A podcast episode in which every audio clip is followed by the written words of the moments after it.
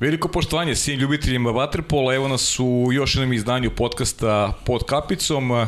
Bavit ćemo se aktualnostima kada govorimo ne samo o ovim prostorima, već naširoko, aj tako da se izrazim. Pričat ćemo sa jednim e, vrlo perspektivnim trenerom, neko ko je vrlo dobro poznat ovdašnjoj javnosti, koji radi u jednom sistemu koji je možda i e, kada pričamo o trenutnoj situaciji u Waterpolu, možda i, i najveći sistem kada kada kažem pričamo o, o nekoj širokoj bazi i o tome e, šta taj klub predstavlja e, svetskom vaterpolu. I naravno eto malo ćemo postiti na sve ono što se dešava u godini 2022 2022 tako da mislim da nas čeka još jedna vrlo zanimljiva epizoda. Ajde odmah da najavim naše gosta, sa mnom u studiju je Miloš Ćirić, E, pomoći trener Pro Reka. Prvo Miloše ti čestitam ovaj, na plinovi u, hvala, u porodici. Hvala. Čestitam Stefanu.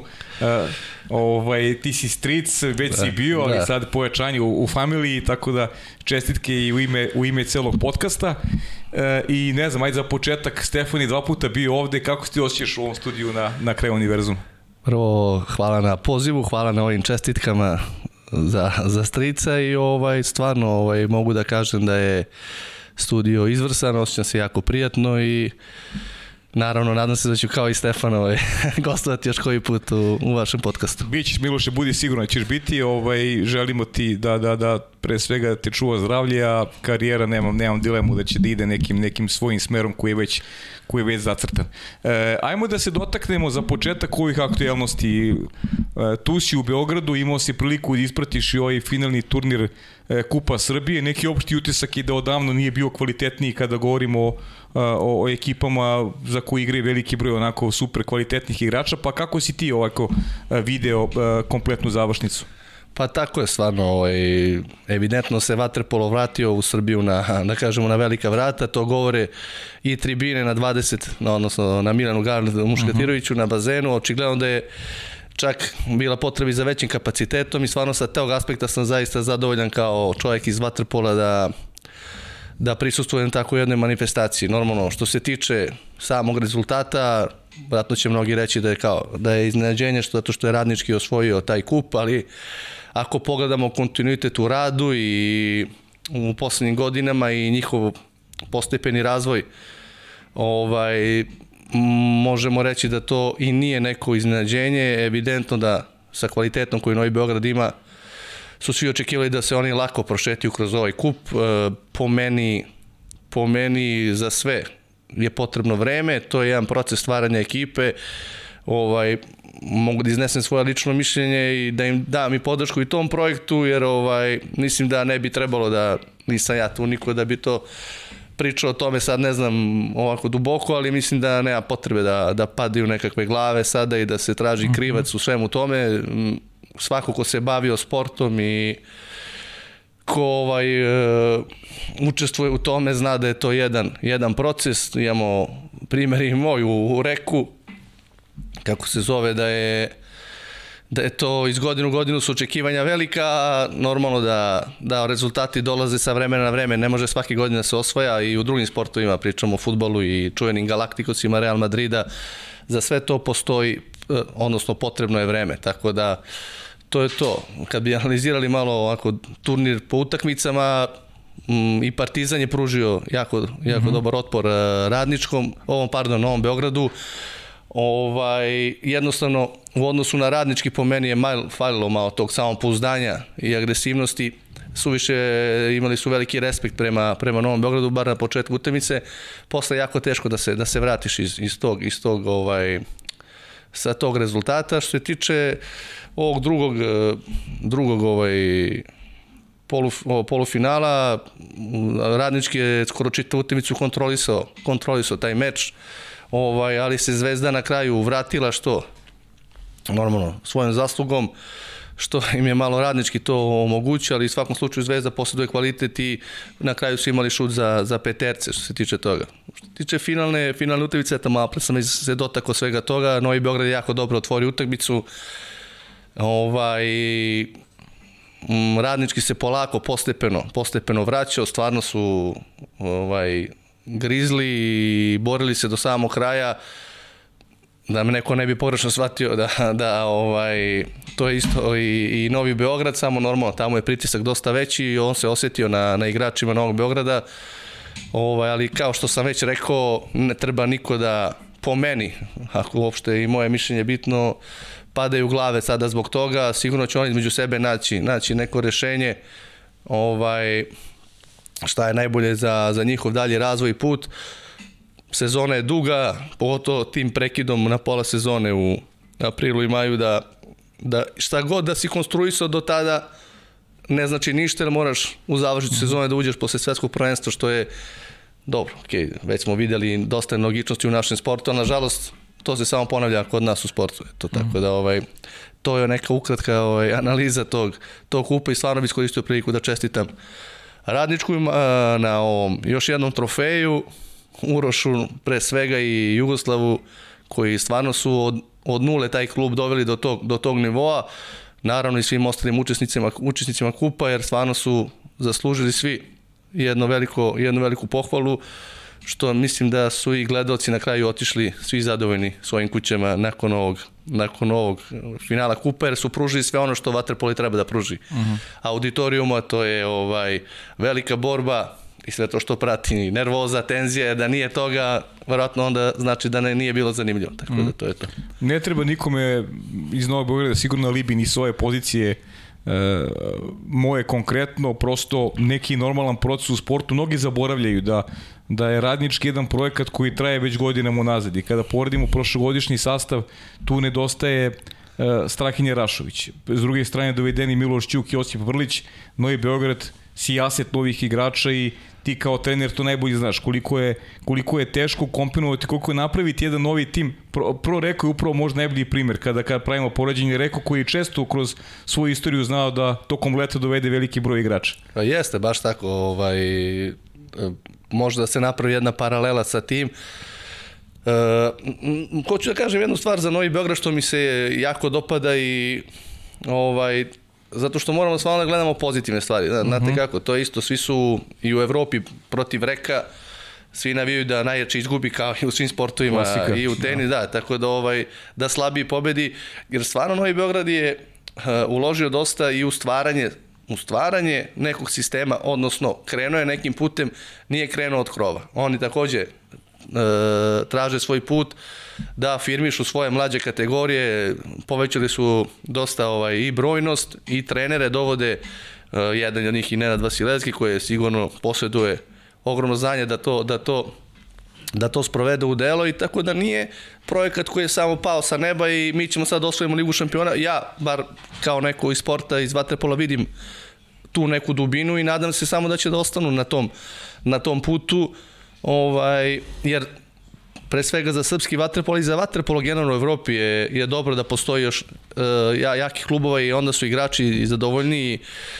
da obezbede i svoju egzistenciju, da se pogotovo vrate kao u ovom slučaju kod kuće, da, da ta stvar da možeš da radiš i da trenaš kod kuće je jedna stvar koja apsolutno nema cenu. I, ovaj, I to je možda jedan deo sad opet pričamo s ove distance. Znate uh mhm. -huh. kako, ovaj, dosta se njih vratili iz inostranstva. Uh mhm. -huh. Treba ti sigurno jedno 4 do 5 meseci da se ti opet, jako si se vratio kući da se stabilizuješ, jer to te svi zovu da upotrebi nakaradni razlačete po, po gradu, da popiješ piće s ovim, s onim, ovaj, sve to uzima dosta negdje, roditelji, familija i sve to negde ti možda odlači neku pažnju na početku, na početku sezone, ali ovaj, ja stvarno mislim da ovaj, da oni kao normalno imaju perspektivu igračku, imaju imaju i vrhunskog trenera. Ovo je super pogled, o, ovo što ne. si rekao malo pre, to, to, to nisam razmišljao uopšte o tome, da, to i, i, i ima toga sigurno. Pa jeste, da. sa trenerskog aspekta sve se to gleda. Znate kako mhm. -huh. ovaj, u inostranstvu kad radite ste okrenuti uglavnom samo poslu i vremenom se uh, ovaj upoznate i tamo neke nove ljude, ali to nikada nije kao kad ste kod kuće. Mhm. -huh. ovaj, a imate bitan jedno, jedan bitan činjenica to je da je da je ovaj iza nas jedna olimpijada da je dovelo do jednog velikog emotivnog pražnjenja mm -hmm. i tu imate i, i ove igrače koji su učestvovali tamo, to su i Duško i Jakša i Gojko, Manda. da ne da i Strahija, da ne nabraja Manda i sve to mislim da treba vremena. Pa i Vlahoplus. Pa da, i da, izgrač, i tako je, tako da sve to je jedan dugoročni proces, samo je bitno da li imaju strpljenje, ja se nadam da ga imaju, jer stvarno uh, zašto bi nekom pričali o tome da li je bilo ko tamo, od uprave igrača, trenera, mla, trenera mlađih kategorija, uh, ovaj, da nije hteo da osvoji to.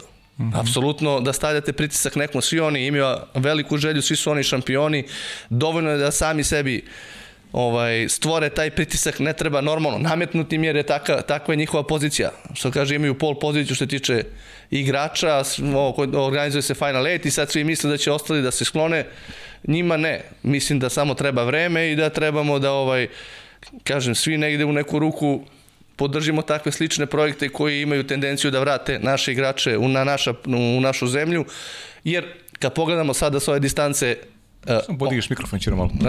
Kad pogledamo s ove distance, uh mhm. -huh. evidentno je da su oni vratili publiku na, na bazen. Tako je. Uh. -huh. Jer svako voli da gleda pre svega olimpijske šampione, šampione ovaj, koje su toliko radosti doneli ovoj našoj zemlji i tim svim ljudima i oni su ti koji vraćaju publiku na, na u svo poštovanje svih koji se trude da, da naprave nešto, red, o, to je ono što vraća, kao što je povratak Mića Aleksića i Mitra u mm -hmm. Partizan e, i sve to i meni je mnogo drago, eto, Partizan koji je, no, i moja kuća gde je i on našao neki svoj put da se polako vrati na, vrati na staze stare slave, jer on pre svega to zaslužuje.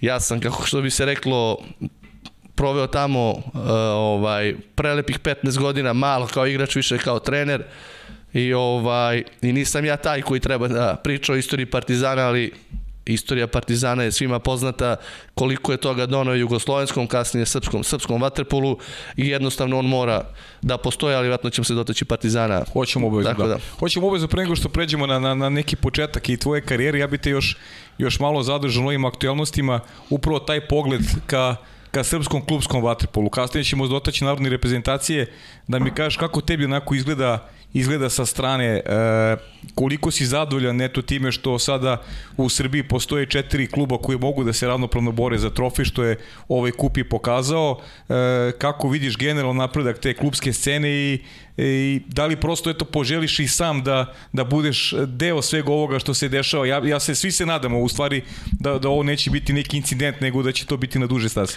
Jasno to je ono o čemu se svi svi nadamo ovaj da ovo nije jedan samo ovaj kratak period, naravno nadamo se da je ovo sve dugoročno, da će da potreba, mislim da Vatrepolo generalno u Srbiji to, to zaslužuje, jer ovaj, kada pogledamo istoriju, kada pogledamo i sadašnjost, a i budućnost, ja sam ovaj, stalno ponavljam i dosta citiram i ostale i kad pričam i sa igračima mlađih oj, ovaj, mlađim ovaj, klincima i sa protimcima volim često da citiram ovaj me tako po tome i znaju ovaj, uh mhm. -huh. sve trenere i profesor s fakulteta profesor Koprivica je rekao baš ovaj na jednom predavanju čekajte ako vi imate jednu skoro sigurno medalju na olimpijskim igrama hoćete da uradite sve da bi je sačuvali ili da izgubite i nju Ako je taj vaterpolo naš nacionalni sport, ako je to ovaj, ono što nam godinama donosi medalje, pa kako ćemo da ostanemo konkurentni s ostalim ekipama,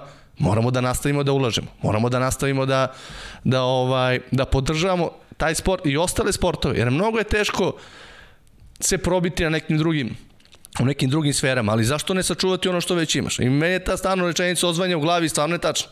Ne zato što smo mi iz vaterpola, nego jednostavno znamo, mislim i ti si, da kažemo, čovjek iz Vatrpola, naš si čovjek, znaš da to nisu neka ogromna ulaganja mm. ovaj, da bi to funkcionisalo kako treba. I nadam se da to jednog dana treba da postane plod sistema, a ne neka, mm, ne znam ja, politička volja ili, ili, ili ovaj, samo trenutak da se otvori nešto, da, da bi se nešto napravilo. Mislim da Vatrepolo zaslužuje da bude deo, deo jednog, jednog dužeg projekta i jednog sistema, pre svega države, prema sportu, tako da ja se nadam da će to u budućnosti tako i biti. Tako da, mislim, stalno ponavljamo te priče da Mađarska je odredila, recimo, pet nacionalnih sportova, jeste, i među njima i vaterpolo i oni ne mogu da, da budu nikad, mogu da, da, da osvoje, da ne osvoje, ali oni su uvek tamo je vaterpolo popularan i, i ovaj, nadam se da ćemo mi doći, doći na taj nivo. Pre svega zato što mislim da nisu potreba neka nenormalna ulaganja da bi se održao taj neki minimum kvaliteta, pogotovo sa mlađim kategorijama, jer to je ono što je godinama pravilo razliku, izbacivalo sve te talente, te igrače i ovaj, do koji, koji su nas doveli da svih ovih uspeha na kraju krajeva. Da. Pa da, pa mislim prosto svaki sistem treba da vredni ono što mu što mu najviše vraća kroz, kroz rezultate, a Vatripolo definitivno najviše vraća kroz rezultate, čak i u godinama koje su onako bile poprilično problematične kada govorimo o organizaciji takmičenja. Zato ovaj pogled na takmičenje onako budi nadu da, da ovo možda postane neki trend koji, koji će onako pomoći i mladim momcima. Ono što su neke kolege tvoje pričale ovde, verujem da se slažeš koliko znači i mladim momcima danas koji treba sutra postati repetitivci što imaju treninge sa, sa asovima koji su dva puta osvajali olimpijska zlata. Ne znam da li znaš podatak, to mi je Dragan Andrić rekao, eto ponovit ću ga ponovo, da, da su samo Dragan Andrić i Igor Milanović srpski sportisti imali dva olimpijska zlata. Da, jasno. I evo sada nova generacija vaterpolista još njih sedmorica koje su, ne, ne sedmorica i više, osmorica koji su osvojili uh, drugi put olimpijsko zlato. E, to je neki postrek i nešto treba svako da prepozna da, da, da, bi, se, da bi se ponovilo u krajnjem slučaju. Jasno, jasno, ma to je ovaj, stavno kad se Dragan pojedivo tako sve vreme na banjici, pa Igor hoće, mm -hmm. pošto su svi upoznati sa karijerom, pričam za mlađe, ovaj, Jasno, ovaj da. Igora Milanović i onda je on stalno to potencirao kao da ne pričamo o sebi, ali znate da dve jedine olimpijske medalje imamo Dragan, Dragan i ja, tako da ovaj, to jeste jedna i sad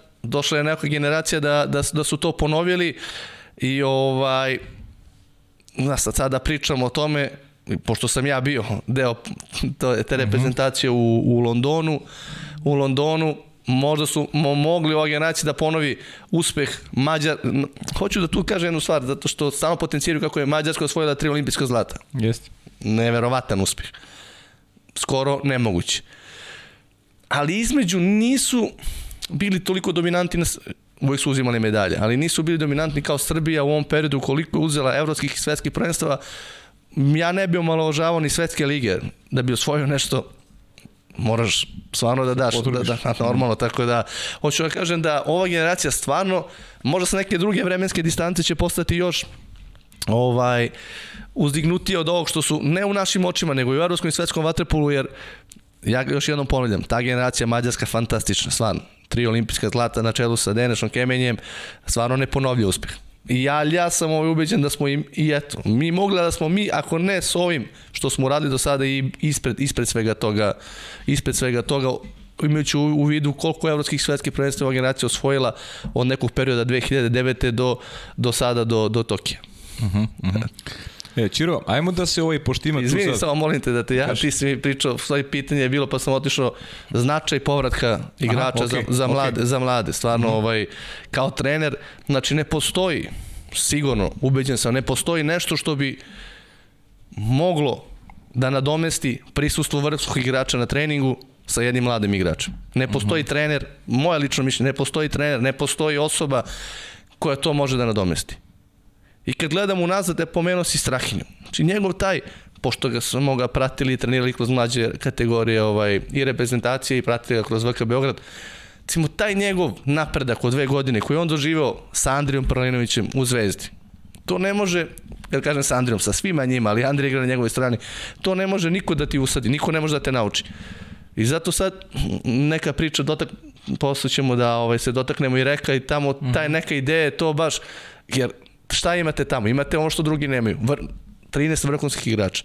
Znači morate da napravite bazu da biste te igrače ubacili u taj proces. Jer tamo šta mogu da nauče od tih šampiona, ne mogu da nauče nigde. Ni od Čire, ni od ovaj, Pere, ni od Žike, tako da ovaj, to je jedna stvar koja ide i jedna sa drugim i to je ono što je godinama krasilo srpski vatrepol, uvek je bilo vrhunskih igrača i ovi mlađi su stasavali uz njih i ovaj to je jedan jedan proces koji smo izgubili bili nažalost u jednom periodu te krize kao što i pomenuo u srpskom vaterpolu što kroz nacionalni savez što kroz klubska takmičenja da nažalost su mladi svake godine su dolazili mlađi i mlađi a ni oni nisu bili spremni da da da, da ovaj uđu u taj ceo proces i to je na kraju kraja po njih i pogubno više šteti po meni nego što koristi kad ubaciš mladog igrača i njih 13 mladih treba da se bore da se bore za nešto što im u tom trenutku ne pripada. I to je jedan, jedan, jedan, jedan veliki problem. Zato se nadam da će ovaj, kažem ti, prisustvo svih ovih igrača plus Partizan Mića, ovaj, pa i Josip, nema veze, znači Hrvat, vrhunski hrvatski da, naravno, to je neko tamo što može da koji je prošao sve i koji može da prenese nešto što i treneri i treneri ne mogu. Tako da ovaj mislim da je ovo jedan pravi potez i nadam se da će naš vaterpolo nastaviti u tom smeru, jer to je jedini put po meni. Prevedeno u celoj priči, koliko je talenata u srpskom vaterpolu nestalo upravo zbog toga što nisu imali tu vrstu potpore, podrške od starijih igrača koji bi ih na pravi način, koji bi im bila neka podrška u trenucima kada im je to bilo najvažnije. Pa jasno, sigurno. Stvarno je, je, je gomila ovaj, i tako da je negde na kraju krajeva odlazili su mladi, pa i Jakša i Manda, ali mislim da je to za njihov razvojni put bilo, bilo jedino, jedino rešenje. Da odu u jače lige, da odu sa tim vrhunskim igračima. Tako da ajde, Manda je zakačio jedan period da je igrao i sa Vladom u Partizanu dok je Igor bio trener i sa, i sa Andrijom i sa, ovaj, sa, sa Ćuletom i sa Duškom i, i, i to, je taj, to je taj proces da ne pričaju o Mandi, pošto smo i u Reku razgovarali uh -huh. i mhm. ovaj, to je, to je ono što je razlika između Kotora i recimo iz Primorca i, i Partizana, tad što si imao u tom trenutku. I, i to je, i to je jedan, jedan, jedan veliki bio plusa posle nedostatak, baš smo vlade, ja smo, vlada je vodio kao ja kao, kao njegov pomoćnik, taj Partizan, koji je stvarno se borio sa svim ekipama na, u toj Ligi šampiona, ali gledano iz te generacije, eto Jakše dosego te zvezde, ali opet zato što se infiltrirao u A reprezentaciju i tamo je malo napredao. Znači, to je stvarno bio paklen rad, radilo se, ali jednostavno falilo je tih starijih iskusnih igrača da daju podršku tim mlađima, ne samo podršku, da to bude jedan vid obuke i, i to je to, nema, ovaj, nema tu po meni nema dileme, što bi se reklo. To je jedini pravi put i dok, ako, bude, ako mo, ovaj, pardon, budemo mogli da ga sledimo, nadam se da ovaj da ćemo se držati tog puta.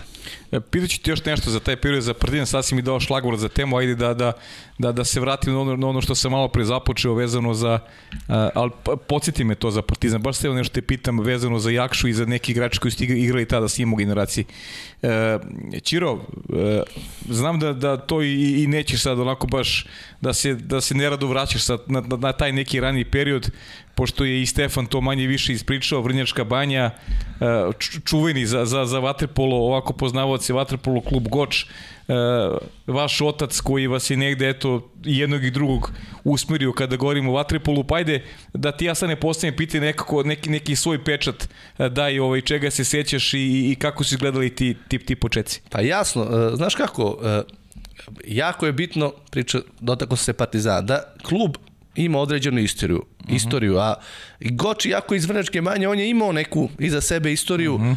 u, u, u toj staroj Jugoslaviji, što kroz taj kontakt sa Partizanom, jer oni su bili ovaj indirektno spojeni, pa su neki igrači mladi iz Partizana stalno dolazili ta, u Goč iz, eh, iz Vrnjačke banje, što kroz I, I sve se to i tamo negde osjećalo dok smo mi, kad smo mi krenuli da treniramo, kad gledate te slike tih igrača koji su bili tamo, ovaj, sve to što ti da neki dodatni postrek. Da ne pričamo mm -hmm u Partizanu kada uđeš u trofejnu salu i vidiš ko je sve nosio kapicu tog, tog kluba, ali jako je bitna stvar da postoji istorija. Uh mhm. -huh. Da bi imao na šta da se osloniš. I nešto što bi ti ovaj, bila zvezda vodija. Tako je normalno i mi. Ovaj, sad je to sve drugačije. Ovaj, mnogo je veći izbor sportova. Ovaj, tada u Vrnačkoj banji isto možda futbal. Ovaj, mi jesmo malo trenirali taj futbal, ovaj, ali vaterpolo je stvarno bilo pasija od samog početka. Otac je to prenuo na nas kažem, uvek je ta neka zvezda vodilja bio svima nama Igor, Igor Gočanin koji je iz Vrnjačke da. banje, to zato kažem, mora da postoji, znate, ipak Vrnjačka banja, znaš, da izglede jednog olimpijskog šampiona, je jedna, vel, jedna velika stvar, tako malo mesto, kao i u drugim sportovima, ja zato kažem, ovaj, pogotovo u staroj Jugoslaviji. I, ovaj, I to nije mala stvar, normalno, on je osvojio olimpijsku medalju iz Partizana, ali da nije imao određenu bazu, sigurno ne bi mogao da ode ni u taj naravno. partizan. Naravno, tako da ovaj, on je nima, nama svima bio neka zvezda, zvezda vodi, zato što on je još uvijek bio aktivni igrač u inostranstvu, dok smo mi kao klinci počeli da trenamo i ovaj taj doček koji je njemu priređen nakon 88. u selu, da je stvarno skoro cela Vrnečka banja se sjatila da, da ga pozdravi. Pa ne, to je taj, uh Mhm. -huh. to je taj, ta, ta stvar koja, koja, za koju vratno i živiš i radiš i, i, ovaj, i koja te ispunjava na kraju krajeva. Tako da, ovaj, jednostavno naš put je krenu u tom smeru Goč, Vrnečka banja, Vaterpolo i tako smo se tu ovaj, tu i, i ovaj, negde mm, i snaši, kažem ti, probali smo i kao i mi, kao i svi klinci neke druge sportove, ali generalno prva ljubav je ostala vaterpolo i eto, i do dan danas, stvarno, i Stefan je pominjao i te ovaj, trenere koji su stvarno, uh -huh. možda, možemo da kažemo, imaju jedan veliki entuzijazam jer e, tamo nikakve finansijske dobiti ne možete da imate u svim tim manjim sredinama. Jedino što, što pokreće je, je njihov lični entuzijazam i na, na, na bilo kom nivou, da li je to vrhunski nivo ili niži, ti moraš od trenera da ostiš da, da je on jedan e, ovaj, entuzijasta i da hoće da ti, da, da, da je on došao da tebe nauči nešto. Iako je to bio možda niži nivo, vaterpola i sve to, da bi ti ovaj, video sebe tu u toj grupi na tom sportu, mm, taj trener mora da te, da te privoli da ostaneš tu. I tako i ovaj, zato sve njih pozdravljam, sve te trenere koji su nas i tamo trenirali, jer su na kraju krajeva ipak usadili nešto, nešto u tebe da bi mogao kasnije da se, da se, da se razvijaš. Eto, ovaj, tako da sa te distance neki logičan put, gledajući oca koji je bio i vaterpolo sudija, kasno, kasnije i delegat, da ovaj smo i mi nastavili nekim tim putem, ovaj što je tiče vaterpola i pa posle kasnije, eto, ne znam, nastavit ćemo, ali recimo negde 2000 smo kao klinci prešli u, u Partizan, ali kažem, generalno, drago mi je da da i Vrnjačka banja sada pokušava da vrati, da vrati Vatrepov klub Goč na neki, na neki ovaj, minimum koji on to svakako zaslužuje, ovaj, jer trebamo da o, radimo na omasovljenju ovog našeg sporta, a nikada ne znaš ako je, ne znam, pre 20 i više 30 godina neko iz Vrnjačke banje mogao da ode i da osvoje olimpijske igre, zašto to ne bi moglo sad? Mislim, tako da to je, to je, neka, to je neka moja ovaj, želja za sve klubove u Srbiji, naravno kao lokal patriota za, za Goč iz Vrnjačke banje, naravno da bar dođe do nivoa da učestvuje u prvoj ligi, u našoj super ligi. Ovaj. Tako da ovaj, to je ono, ono nešto ukratko, tako da kažem, ne bih da ponavljam zato što eto, jako sam ponosan na taj period, jako sam ponosan na Goče Zvrničke banje, samo da ovaj, eto, kažem, ne bi sad ponavljao Stefanovi priču, možda eto, i ljudima nije toliko to zanimljivo, ali eto, tako da... Treba da znaju ovi mlađi, ovaj, čuveni, čuveni hotel Breza i, i, i Vatrpolo klub Goč, zašto je bio jedinstven Vatrpolo klub Goč? Tako malo mesto, Vatrpolo klub Goč je u konkurenciji one stare Jugoslavije igrao nekad i prvu ligu, što je Jeste, pa što zato... je zaista jedan, jedan, jedan fenomen. Znači da postoji jedna baza baza ljubavi i odnosa prema vaterpolu koje neke druge sredine u Srbiji nisu imali, a evo danas i danas ih doživljavamo kao kao centre u, u, u vaterpolu. Jasno, jasno, eto, pa to je u stvari ta infrastruktura koja je uvek falila pričamo o tom čuvenom bazenu u hotelu Breza koji je da. inače vojni objekat ovaj bio u staroj Jugoslaviji i kasnije i ovaj o, sećam se da mi skoro nikada nismo počeli da treniramo nakon završetka na letnjem bazenu, nikada skoro nismo uspeli pre nekog kraja, oktobra, novembra da uđemo u taj, u taj hotel. Uvek su bili neki problemi. Takva je situacija u zemlji bila. Teško je bilo i sa grejanjem i sa svime, onda tako da smo tražili svoje neke tražili neki put, odlazili u naj, najbliži tad zatvoreni bazen je bio u Kruševcu i su oni su stvarno bili ovaj ovaj dostupni za sve te klubove iz regiona, samo je problem eto to je sad kad pričamo o tim uslovima. E, Kruševac apsolutno ima uslove da bude deo ovaj vaterpolo scene u Srbiji. Znači on ima jedan bazen koji je skoro preslikan bazenu Banjice. -huh. Znaš kako su to vreme komunizma gradili bazene, vratno po istom kalupu. Tako, je. Tako da je jedan ovaj, taj bazen koji je bio, ima veliki 50 metarski bazen, ima jed, dva mala pored. To je jedna, jedno blago koje nema ni, ni Pro Reko, ni, ni mnogi klubovi u Beogradu. Uh -huh. Tako da hoću da ti kažem, m, fali malo, fali malo i odnosno na svima nama je da, da probamo da oživimo neke centre u, u Waterpolu, jer svaki svaki ovaj neki projekat koji se napravi može samo da donese dobro. Da pričamo o Nišu koji je dok je Nena Manović kad je Nena otišao u Niš i poveo i igrače poput Bobana Žileta ovaj ali da se nadoveže na priču za Novi Beograd. Nije Nena tamo samo igrao prvom ekipu. Trudio se da odvoji trenere dobre, da stvori neki sistem i Niš je na krilima tog rada egzistirao sigurno narednih 10 godina.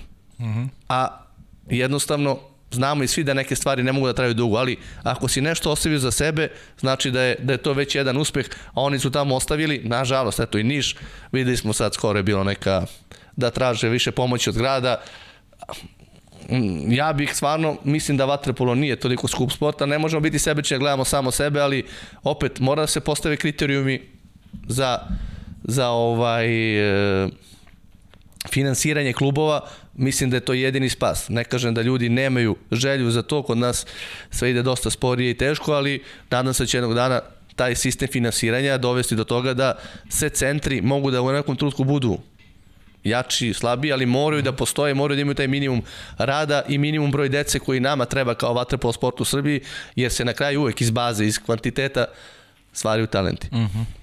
E, Čiro, e, priča, napomenuo si jednom momentu ta, tu 2000. godinu i ajde pređemo sada na, na taj neki viši level u, u, u karijeri i tvoji i Stefanovi e, vaterpolo karijeri, prelazak u Partizan. Kako se sve odigralo, kako si doživio te prelazak iz manje sredine e, u, u Beograd i eto, kako je tebi kao nekom, kao mladoj, mladoj osim mladom čoveku, kako je, kako je to sve, kako pa jeste, sve to jedna, jedna stresna, u svakom slučaju stresna situacija, znaš, to je neka, neki miks velike sreće, entuzijazma i normalno odvajanja od rodnog mesta gde ti sigurno, pa apropo je priče za, i za Novi Beograd, mm -hmm. tebi treba da se ti, ok, ovaj, kao mlađi stvarno deca nemaju tu mogućnost da da kontrolišu toliko svoje emocije. Naravno da je u tom trenutku velika, velika razlika. Ideš iz malog mesta u grad od 2-3 miliona ljudi, ovaj, gde je sve novo, vidiš jedan sistem, jedan rad, koji nema veze s ovim što si prethodno video, vidiš jedan veliki zaostatak. Nažalost, to što kažem, zato se i pozdravio te treje, veliki entuzijazam u Vrnečkoj banji, ali mora to da se, da se postave minimum okviri rada da bi neko iz tih mesta mogao da ide dalje. I prosto video si da su svi daleko ispred tebe i to je to što je Partizan krasio i pravio razliku odnosu na drugi. Uz jedan veliki kvantitet, odnosno broj, broj dece, ja kad sam prešao, još uvijek se članarina nije plaćala. -huh. To je ta neka period 2000. 2001. Nakon toga jeste. Ali to je velika razlika. U tim -huh. kriznim vremenima kako možeš da ovaj da se neki roditelj izbori sa tim. I stvarno je baza bila velika. I I, i, I godinama i pre toga i nakon toga Partizan je u stvari sve te talente vadio iz kvantiteta, a na kraju krajeva iz normal kvaliteta rada. Jer te dve stvari su povezane. Uh mhm. -huh. Tako da mnogo je bitna baza i ovaj da se vratim na to je da velika, velika, veliko, veliki i šok i stres, normalno, i, i, ovaj, i ushićenost i sreća koje je ono, sve to bilo pomešano i negde sam već nakon dve godine shvatili Stefan i ja da ovaj to nije to. Uh mhm. -huh. Neko uvek sam, uvek si ambiciozan, zavisi od, od osobe do osobe, ali bar mi tako i uopšte nismo hteli da se u, da idemo dalje u, u neku drugu sferu kad, kad te to ne ispunjava iznutra. Mislim da čovjek stvarno treba da radi ono što ga ispunjava, iako si ti tad klinac od 13, 14, 15, 18 godina, nije ni bitno, teško da možeš da re... ali neko u glavi ja sam imao taj, taj, taj svoj put. Mislim i Stefan isto, možda sad to zvuči ta, da se upiše sportska gimnazija, da, da se ode u Partizan, da pa i to ako ne prođe da se krene u trenerske vode. Ali inače nas dvojice izuzetno volimo, volimo sport, mhm. pratimo uh -huh. sport i ceo život smo u sportu i nekako nisam ja video sebe nigde osim, osim u sportu. Na to mislim, ne mislim da sam ja znao da ću sutra dan da budem dobar trener, ali jednostavno nisam video sebe van sporta. Uh -huh. Ali mhm. nisam ni hteo da budem od onih što tavore po određenim, eh, po određenim ovaj, sferama jednostavno ili si tu i radiš kako treba i možda doprineseš nečemu ili idi radi nešto drugo. Tako da ovaj, eto, s te distance normalno imate uvijek koji sada neke roditeljske ambicije je bilo, pa šta mislite kako ćete sad to, sportska gimnazija, posle ako je neka ekonomija, neki pravni fakultet, a ovaj, ti trebaš da ovaj, kažeš, znate, ovo je naš put, mi to hoćemo to.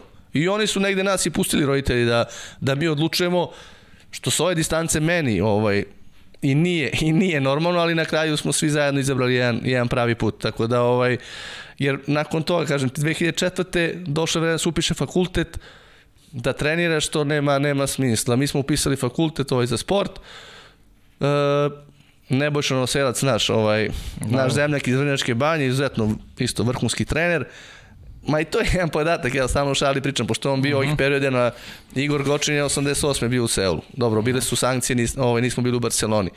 96. ali Nebojša je bio i 2000, 2004. i ovo 2008 na olimpijadi. Ja sam bio u, u Londonu 2012. a posle Stefan. Hoću kažem da Vrnjačka banja bez obzira nema možda igrački igrački ovaj igrački ovaj predstavnik olimpijadi, ali u svakom slučaju imala predstavnika na olimpijadi. Da, e, pa da, da, e, da, imala, mislim to nisu male stvari. Ja stalno kažem ovaj i meni ovaj, on je nama stvarno dosta pomogao Nebojša Novoselac da, da smo se mi njemu obratili i rekli mi sad smo krenuli sa studijama, ako se slučajno otvori neko mesto, ovaj, za trenerski poziv, nas to zanima. I on je odmah nama rekao, vas dvojica niste bili vrhunski igrači, teško je tu da se, da se, da se probije, morate mnogo više da dajete od drugih, da biste dokazali svoju, svoju, svoj kvalitet i da na vas može da se računa. I meni je to stano ovaj, odzvanjalo u glavi, to je apsolutno tačno.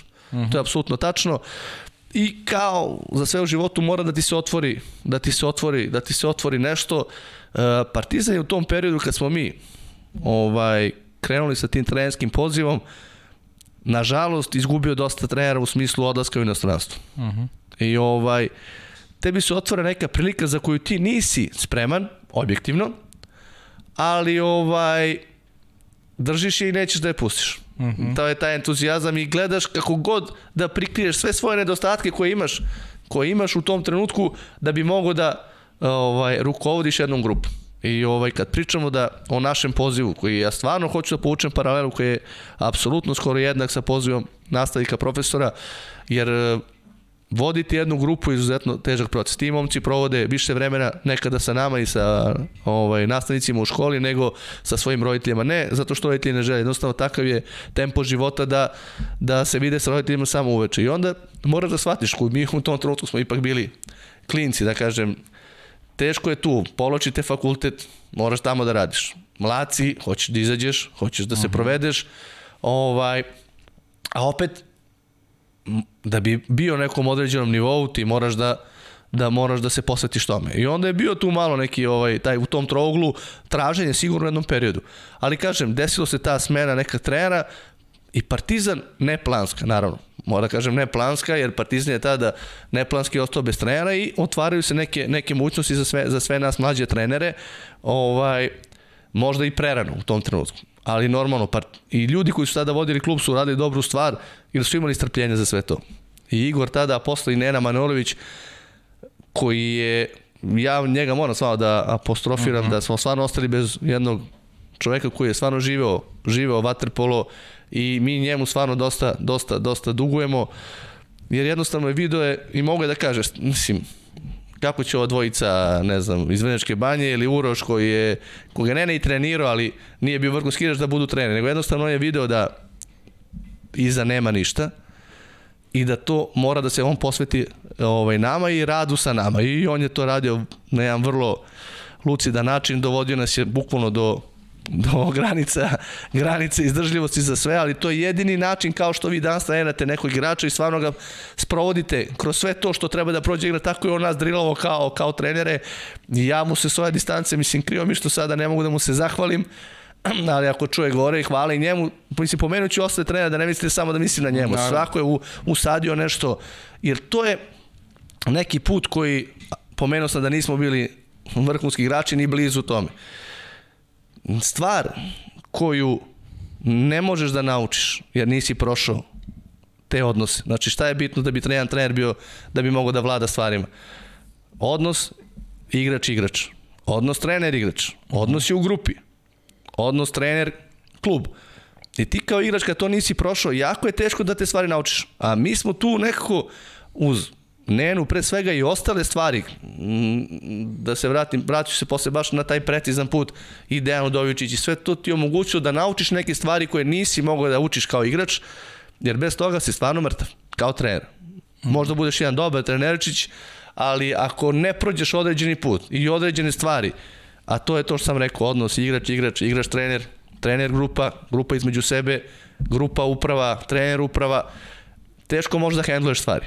Jer to je jedna jako, jako, jako bitan put. I ovaj, i to je u sve to što smo tamo ovaj, zajedno sa Nenom, jer on je napravio selekciju trenera gde su bili Uroš, ovaj, Zoran Milenković, Nemanja Knežević, Stefan i ja i on je stalno nas, evo već ponovit ću se ponovo, ovaj, držao do, do, ovaj, do granice, jer je provocirao nas je da vidi da li mi imamo želju da radimo to. Uh mhm. -huh. Jer ovaj, jer da vidi ko želi da ostavi. Stalno je pričao to malo i u šali, malo zbili, pa ne možete s vaše storice da budete treneri.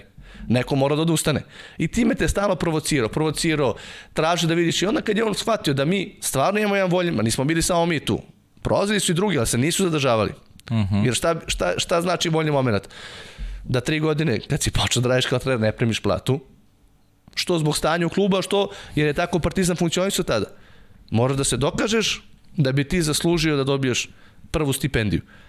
I ovaj i zato kaže da je postojao sistem stvaranja u Partizanu igrača, a i stvaranje trenera. Jer to je jako bitna stvar. I na kraju krajeva osvrt šta si ti ostavio iza sebe i ovaj na osnovu tvojih plodova rada. I mislim da je Nena tu stvarno ostavio kad pričamo o generacijama igrača, on je trenio generaciju Vanja, Boba, Žile, uh mhm. -huh. ovaj, on je ostavio to. Onda ostavio generaciju trenera gde su ovaj, Nebojša Novoselac, Petar Kovačević, eh, Nenad Vasilevski i još mnogi drugi. To je bila prva generacija trenera koju on stvorio kad pogledamo danas, kao i mi, niko tu nije bio selektor, to su bitni ljudi koji su držali taj naš sistem ovaj održivim i tako onda, kad je video da oni idu i da, nije, da ne može da ih zadrži u Srbiji, on je krenuo u stvaranje neke druge generacije trenera, gde smo, sad sam nabrao tu nas koliko je mhm. bilo, i jako ja tvrdim s ove distance, To je bilo ispod svakog nivoa, moje lično mišljenje. Pa imali smo to, 19-20 godina, pa ko je to trener sa 19-20 godina? I ovaj, ali on video da nema da nema dalje. Da, a, ako se propusti to, ide se ovaj u, u čor sokak. I on tako je on nas stvarno i hendlovo i drilovo i, i, i provocirao da damo svoj maksimum i na kraju krajeva mi smo to negde, negde mu i, i dali. Ovaj, na kraju je, što kaže, ono, redko se smeo, ali i osmehnu se ponekad da kaže, pa dobro, ovo je ovo je dobro, ali nije za pet, ali četiri, ali ajde, zadovoljan sam, znaš, tako da ti da neki ono što bi rekli, ovaj, malo te hvali, a malo više te kudi i tako, to je njegov metod rada i ja kažem, s ove distance, stvarno veliko hvala, hvala, hvala njemu, ovaj, jer, mislim, ljudi treba da znaju da Uh, taj, taj put, stvarno, imali smo jednu video salu na Banjici, salu za sastanke, dve odvojene sale. Mm, svake srede je bila sala za sastanke gde on na osnovu toga što je video na bazenu pravi i želi da promeni u odnosu na to što je do sada. I ovaj analiza, analiza svih treninga, svih grupa, gde možemo da napredujemo, gde možemo da idemo dalje. Stvarno, ovaj, a to je na, na, na nas mlade bilo jako, jako teško ovaj, izdrživo, zato što ti moraš time da se baviš. A ovaj a ta sala za video sastanke pa krene, pusti snimak. Ajde Ćiro, šta si video ovde? Da ti kažeš, pa ja sam video, pa nisi dobro gledao, ajde gledaj ponovo. Uroše, šta ti misliš? Zorane, šta ti misliš? I onda, i onda tako, tako po 2-3 sata. Ali to je ono što sam ti rekao. Ko nije bio igrač, mora to da prođe. Da bi naučio da vidi, da gleda, da, da, da razume i, ovaj, i to je jednostavno to. Je jednostavno to. Nažalost, ostali smo preno bez takvog čoveka, ovaj, ali nadam se da će se pojaviti, neko i da ćemo mi preneti to sve što je on, on radio. Eto, to je ovaj, ukratko njemu. Stvarno je ovaj ovaj glupo ne pomen počeo sam rekao spomenuo sam Nebojšu Novoselca, ali i i braća Udovičić. I oni su imali tu malo ovaj simpatija smo brat ja isto blizanci tako da ovaj Aha. jer ovaj i oni su neku prvu šansu suštinski oni dali nama. Onda ti dolazi Igor, pa i toga se sećam. Sećam se Igor odvede nas u, u tu salu i nešto pita neko pitanje, pa ti ono gledaš vidiš da ni ti ne znaš, da ni, ni njegovu facu vidiš, ali on vidi da ti imaš nešto i čekate uh -huh. i mhm. čekate da bi, da bi to vreme došlo za tebe i zato stvarno hvala svima njima, sigurno su uvijek neko preskoči u ovim, u ovim, u ovim rečenicama, ali to je zaista tako. Kad pogledate sad da se radi i sa Dejanom Dovičićem i sa ne znam, Nebojšom Losencem i sa ovaj, uh, Igorom Milanovićem, koji stvarno na svoj neki način ti prezentuje to, te neke njegove ideje, uh, I jednostavno on je toliko direktan i precizan u tome da ti ne možeš da ostupiš od toga. Mm -hmm. Recimo, Nena je bio Manojlović malo i preširok u svim tim, u svim tim stvarima. Evo ja, ja kažem, volim da pričam o tim ljudima, sad podcast Miloš Ćirić, ali stvarno niti smo Stefan i ja, ni ostali postali nešto ovom što jesmo u ovom trenutku, da svi ti treneri nisu bili uz nas. Zato hoću da potenciram te stvari. Mm -hmm. Znači, Igor tu doslednost i preciznost pa jednostavno morao si bukvalno da radiš to što on kaže i vremenom sve te kategorije su počele da, da liče jedna na drugu, što jeste cilj da pripremiš nešto što će kasnije postati deo prve, prve ekipe. Tako da ovaj stvarno ovaj nadam se mislim da nisam nikog, nikog, nikog preskočio i, i ovaj pre svega zahvalno stvarno Dejan Udovičić, on je mene prvi ubacio da budem njegov pomoćnik mm -hmm, u mhm, prvom timu. Da. To se recimo nam otvorilo apropo te priče, ti moraš da nađeš svoj put. Bilo evropsko prvenstvo u Beogradu 2006. i oni su imali mm -hmm. potrebu za, recimo, brat i ja smo taj naš put malo ovaj, išli okolo, to je preko skautinga, odnosno priprema video za utakmice i analize, gde je nama došlo vrhunski, apropo je priča sam rekao da nismo bili vrhunski igrači, gledaš, imaš ispred sebe najbolje utakmice na svetu, analiziraš šuteve, golove, igru centara, igru bekova i to je ono što ti pomaže da budeš da budeš bolji. I ovaj i ovaj mi smo se tu negde u ajde da kažem naši naš put ovaj u tom trenutku da, da budemo na tom vrhunskom nivou i tu da učiš. I postoje evropsko prvenstvo u Beogradu gde smo mi stvarno bili jedan mali mali šapčić skoro, skoro ovaj mizeran. Dejan kaže ovaj video sam entuzijazam i hoću da budete sa mnom u, u prvoj ekipi da, i da učite. Tako da i onda sam ja recimo ostvario taj prvi kontakt sa Dejanom i gde smo nastavili kasnije i u A reprezentaciji ovaj, na sve evropskom prvenstvu u Malagi 2008. pa sve do Londona, do Londona 2002. Da. Tako da, ovaj, mislim, nisam pomenuo sad Ladu u Partizanu, ali to ću kasnije, to se do, da. da se dotakne, to, to je ovaj, što se kaže, završetak jednog procesa, ali dobro, ovaj, to je manje to je manje više manje više to bilo. Da, ali ono što je interesantno meni Ćiro, to to to što si naveo Znaš, tri godine radiš bez, ono, nemaš, ne dobijaš nikakav novac, koliko je to posvećenost nekoj ideji koju, koju si onako sebi zacrtao u glavi. Da li možeš, da li vidiš moguće da danas tako nešto, ovaj, u ovo današnje vreme da neko tri godine odvoji života na, na svom usavršavanju, a da, a da za to ne dobije ovaj, nikakve, nikakve finansijsku nadoknadu? Apsolutno ne. Ja moram da kažem da tu isto bitnu ulogu su odigle naše godine. Ipak imaš 20 godina, nisi ništa ni napravio. Nemaš porodicu, nemaš mm -hmm. nešto i možeš to da istrapiš, ali slažem se s tom, to je pre svega jedan entuzijazam, nešto, neka, neki tvoj put, neka tvoja zvezda vodilja, hoćeš da budeš tu, hoćeš da budeš deo tog sistema, hoćeš da učiš, hoćeš da napreduješ jednostavno to je jedini, jedini način, jedini način. Apsolutno danas mislim da je nemoguće. Gledam i te mlađi igrače nekad, znaš, ovaj, vide nekog starije pa kažu vidi ovaj, vozio dobra kola, ali on je ostavio 15 godina u tom bazenu da bi došao do nečega. A mhm. mladi danas nisu, nisu naučeni da, da pate, što bi se rekli. Mhm, ja volim da koristim taj izrač, uh mhm. -huh. izraz, jer e, da bi postao vrhunski, da bi postao ovaj, dobar igrač, ti moraš da, da se odrekneš svega, moraš da patiš, moraš da, da ovaj, da imaš jednu, da imaš ovaj, i jedan veliki prag boli što se tiče i fizičkog treninga i mentalnog, da sve to izdržiš da bi došao do tog nivoa gde si sad. Jer vrhunski sport stvarno ide u jednom pravcu da samo najbolji mogu da, da opstanu. Tako da ovaj, eto, to je, to je, to je u principu to. Tako da... da. Vi dolazite iz sporta u kom ste naučili da patite i tekako. Možda ima i to veze zbog čega ste toliko najbolji i nešto sam čuo jednu, jednu zanimljivost relativno skoro uh, neko ko, ko više nije u Waterpolu i kako tumači vas koji ste ostali da nije mogu da podnese da na 21-1 mu neko govori ej, zašto si nisi podigao ruku Pa šta ima veze 21-1? Ne, to je stvar principa, moraš uvek to da radiš, ne možeš da se opustiš ni na 21-1 i to je nešto što, što negdje karakteriše i neka, neka, rekao bih, nešto najbliže sam čuo od neki pogled sa strane, nekoga ko je bio u Waterpolu, a više nije oslikava vas koji ste ostali, koji ste ostali u sportu. Jasno, to je jedna od, od, od stvari koja pravi razliku. Ja mogu sad da skoknem samo do reke i pričam za te naše, uh -huh. za te mhm. klince u reku, što smo mi neki minimalni uspeh napravili posle dužeg perioda je propro, baš to što sam usadio u njih. Nešto to naše, jako teško to ide, to je drugi mentalitet. Uh mhm. -huh. A Čira je to, Aleksandar Čić lepo rekao u ovom filmu 100 godina Waterpola, kad je pričao o Bati i Nikoli, jednostavno doveli su do stanja da je sramota grešiti. Tako da, a onda se nadovezujem na tu priču. Ne možeš ti na 21.1 da dozvoliš luksu sebi da pogrešiš.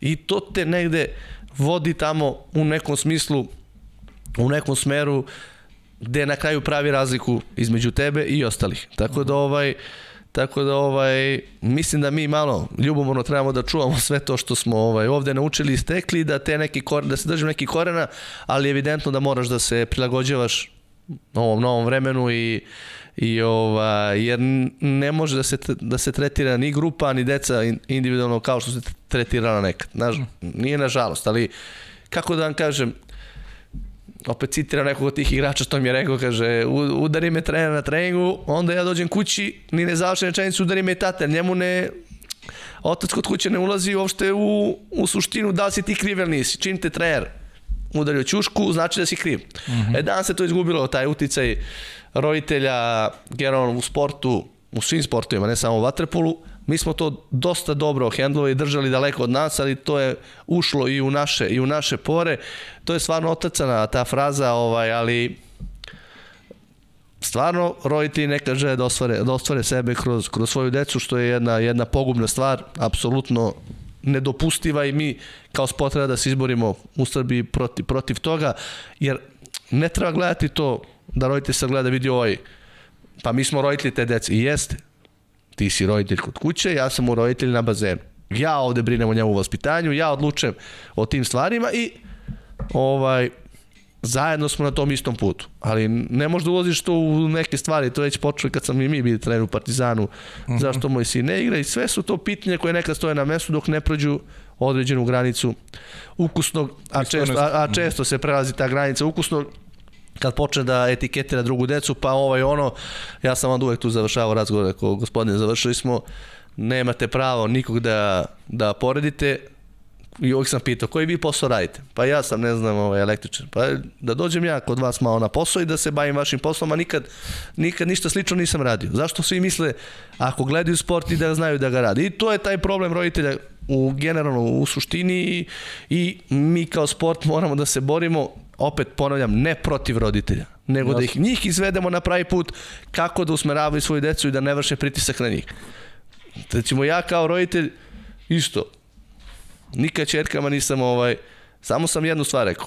Koji sport izaberete da trenirate ove godine, taj sport trenirate cijele godine. Ako ti se menja na kraju godine, možda ga menjaš. Da bi naučili da šta je ovaj poštovanje te neke određene obaveze. To isto pričam i deci u koji treniram u klubu i to. Ne možeš ti sad, e sad mi se malo ne sviđa, e pa to je ona priča da mora da naučiš da patiš. -hmm. Svi oni, deca i mi imamo godina što se kaže ide ovako, gore dole, gore dole i, i, i potok od mlađih tih kategorija i, i devojke i škola i loše ocene i sve to moraš da izdržiš da pokažeš da si ti taj i da trening ne trapi i da škola ne trapi zbog treninga i da tvoj život van bazena ne trpi zbog treninga. Kad to naučiš da hendluješ, onda si na pravom putu na pravom putu. I generalno kroz te generacije stare uvek se vaterpolisti su bili na nekom dobrom glasu kao, kao ovaj, sportisti koji završavaju i fakultete i škole i na, drago mi da se to danas nastavi i kroz Jakšu i kroz Mandu i kroz sve ostale koji su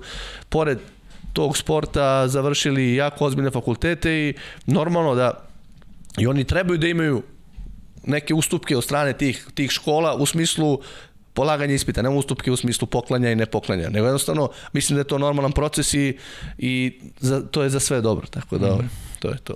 E, namjerno ću sam ostavio taj segment proreku za, za, za neki kraj, ovaj, vratio bih još malo tu 2006. godinu, koliko si se ostio važnim tada da budeš deo projekta u kome je, je Srbija osvojila prvu prvu samostalnu medalju, tačnije prvo samostalno zlato, e, e, to je pod vojstvom Dejana Udovičića i eto malo eto da se da se dotakneš eto te saradnje koju si sa Dejanom imao što što uz prvi tim Partizana, što uz reprezentaciju koja je zaključena sa tim olimpijskim igrama 2012. godine gde si eto i kao neki pomoćni trener mogao da se da se osladiš po znacima navoda i sa, i sa, i sa medaljom olimpijskom. Jasno, jasno. Ovaj, stvarno ono, stalno kažem, jedno veliko uzbuđenje da generalno to čak ni pre, pre prvenstva nije bio neki precizan dogovor. Mhm. -huh. Nego da li biste vi malo mogli da pomognete u određenim situacijama, da se svi malo rasteretimo.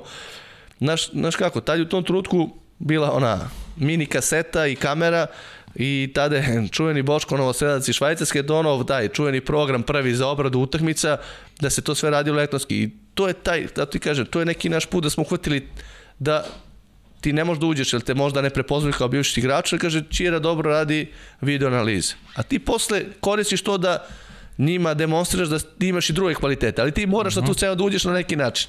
Ovaj, to je bio naš način.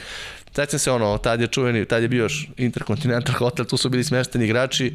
Meni sam ulazak tu i gledanje svih tih ekipa i, i protimaca naših, to je generacija ovaj, van serijska, van serijska, ovaj, bio je jedan veliki postrek za dalji, za dalji rad i za dalje ovaj, za dalji napredak i jednostavno ovaj, mm, neki početak, stvarno mogu kažem neki početak ozbiljnog, ozbiljnog ovaj, vaterpola, vaterpolo puta. Jer normalno sa ove distancije tad shvataš da skoro ništa nisi znao, mislim nisi znao u smislu, znao si onoliko koliko treba da znaš. I jednostavno, jednostavno dejanje, kažem, ovaj, uvek, kao i svi ostali treni, tako i treba da bude. Imao sa svojim pomoćnicima određenu distancu, jer da bi neki sistem funkcionisao i neka, neka grupa funkcionira, mora da se zna ko šta radi. Tako da nema tu ono puno drugarstva ima kad se završi sve i mora se zna ko šta radi. I kažem ti, on je tu negde na tojanskom prvenstvu zapazio i mene i brata, smo mi tu spremni da radimo, da da ovaj da želimo da napredujemo i posle mi otvorio i neku šansu kroz Partizan. Stvarno sećam se i te proslave, te medalje, sve. Ja sam još uvek sve te igrače gledao kao kao u bogove. Bila mi je čast da ih dodinem, da se slikam kao i svi klinci u tom trenutku. Kaže ja sam ovaj ja sam tada imao 21, 22 godine, uh -huh. tako da da gledaš Vujasav, Dekija, Acu, Šapića i sve te igrače koji su igrali u tom trenutku i da budeš minimalni deo toga je bila jedna velika satisfakcija koja je i kasnije možda i, i dala neki dodatni vetar u leđa. Ali jednostavno to moraš da imaš. Ako godinama stojiš u mestu, bez obzira koju, koliko god volju da imaš, počinješ, počinješ da padaš. I mm -hmm. negde, kažem, to je neki taj prelomni moment da kažeš, e, ja hoću ovo, ja hoću da budem deo ovoga. I tako smo, tako smo i krenuli. I, i ovaj, Uh, jedan stvarno, stvarno lep, lep period u, u, našim, u našim životima, namro kažem u množini, mislim za mene i brata, jer uh mhm. -huh.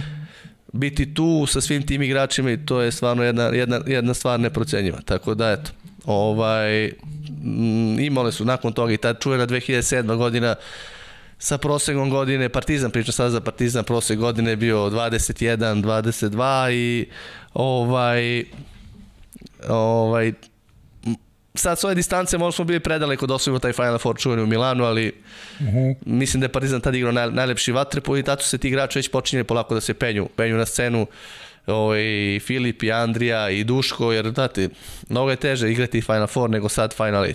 Trebaš prvo mhm. da dođeš tamo i to su bili tad Jug, Olimpijakos i Proreko. I mi smo na, nažalost izgubili od, od, od, od na peterce od, od Juga, iako smo bili bolji domineri celu utakmicu, pitanje šta bismo uradili sa projektom u finalu, ali kažem generalno generalno stvarno jedan lep period gde, gde, gde sam dosta, dosta naučio i, ova, i uvek ga se rado, rado sećam. Kaži mi London, kako si ga doživio? Eto, to, to je neki tvoj prvi kontakt sa, sa najvećom svetinjom sportskom, olimpijski igre, jasno, sigurno da je to najveći san, specifičnost cele priče, da de, gde smo onako svi videli sebe, naš, naše u finalu, to se nije dogodilo. Kako si ti to sve doživeo? Pa i jeste, da se vratim samo malčice unazad, ajde, ajde. ne, ne za taj Rim, koji, okay. pošto, znaš, za Rim 2009.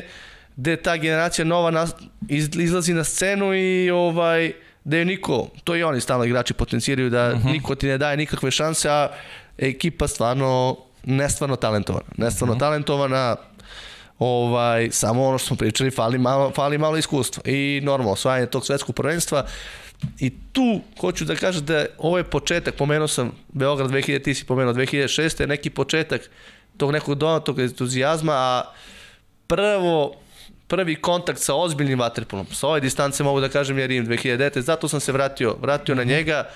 Uh, opet se vraćam na Nenu Manorovića i Dejana, ti čuveni sastanci do, do, do duboko u noć, gde ti u stvari učiš kako da da gledaš vaterpolo. Učiš uh mhm. -huh. kako, učiš šta je, opet, ono, što nisi prošao, šta je bitno, šta se gleda i to su stvari koje jednostavno, jednostavno ne mogu da se kupe na, na, na svu sreću, završilo se još sa zlatom, ovaj, svetskim, ovaj, svetskim zlatom i tad stvarno sam bio ovaj bio ovaj presrećan, baš ono ovaj i nakon toga svi vide opet Srbiju na nekom, u nekom vrhu i negde se samo nametalo ta olimp, olimpijsko zlato u Londoni i onda ako hoćemo da pravimo paralele sa svim i sa Novim Beogradom i sa Rekom, to je taj pritisak koji u nekom trenutku je jako teško, jako teško kontrolisati.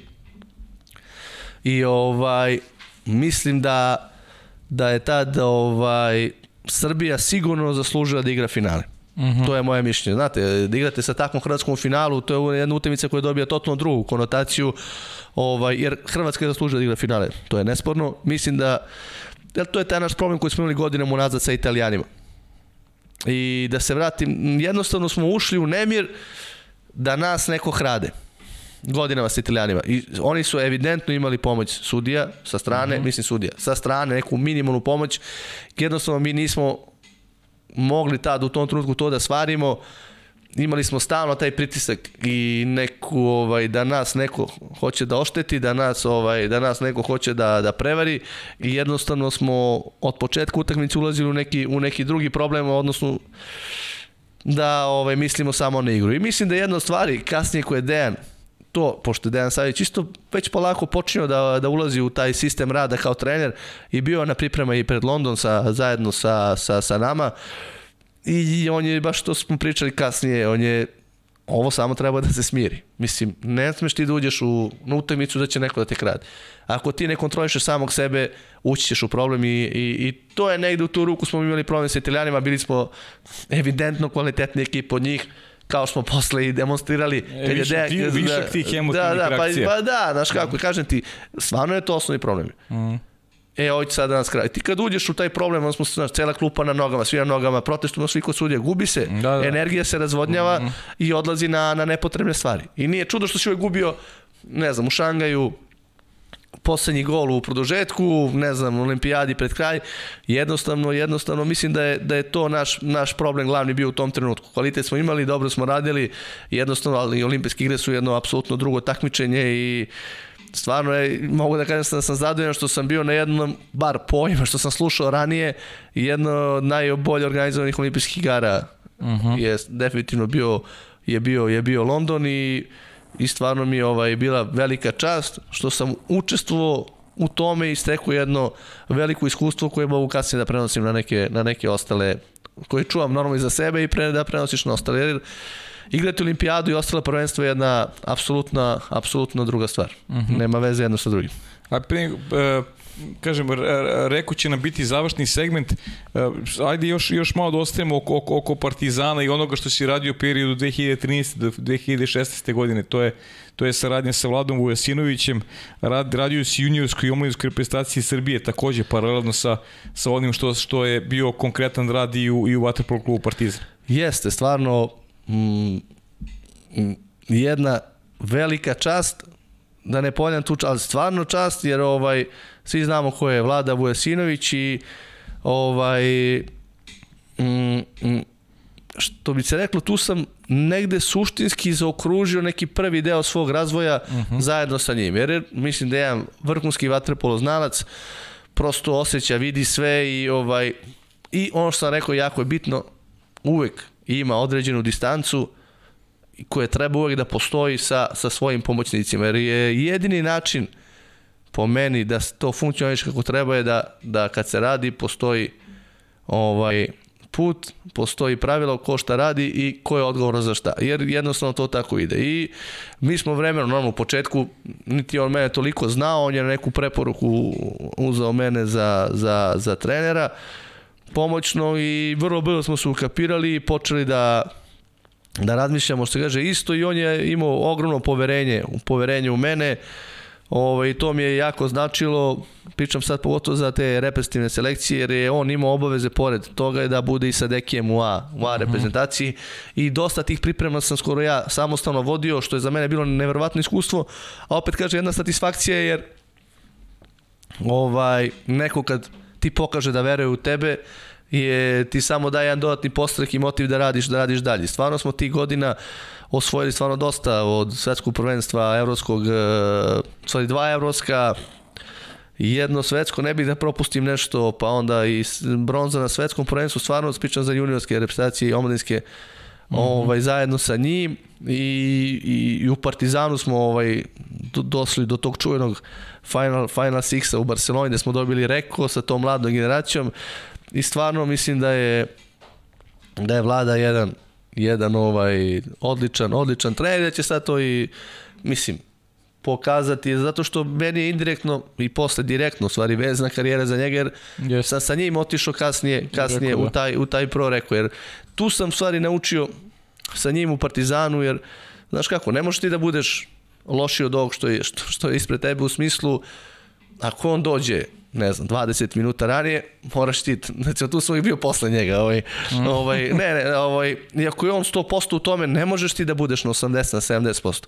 I, ovaj, i to davanje, i to gledanje Vatrpola prosto iz njegovog ugla, koje je meni dosta pomoglo da zaokružim neku priču koju sam stvarno skupljao godinama, godinama unazad i, ovaj, i stvarno zaokružio taj, taj neki proces i kasnije zajedno sa njim krenuo ono što, što mi Igor pre, Milanović pre sam otišao zajedno sa Vladom mu rekao, kaže Čiki, sad ćeš da spoznaš nešto drugo, a to je uh, rad u inostranstvu. To je jedna kompletno, kompletno druga stvar od ovoga što si radio ovde.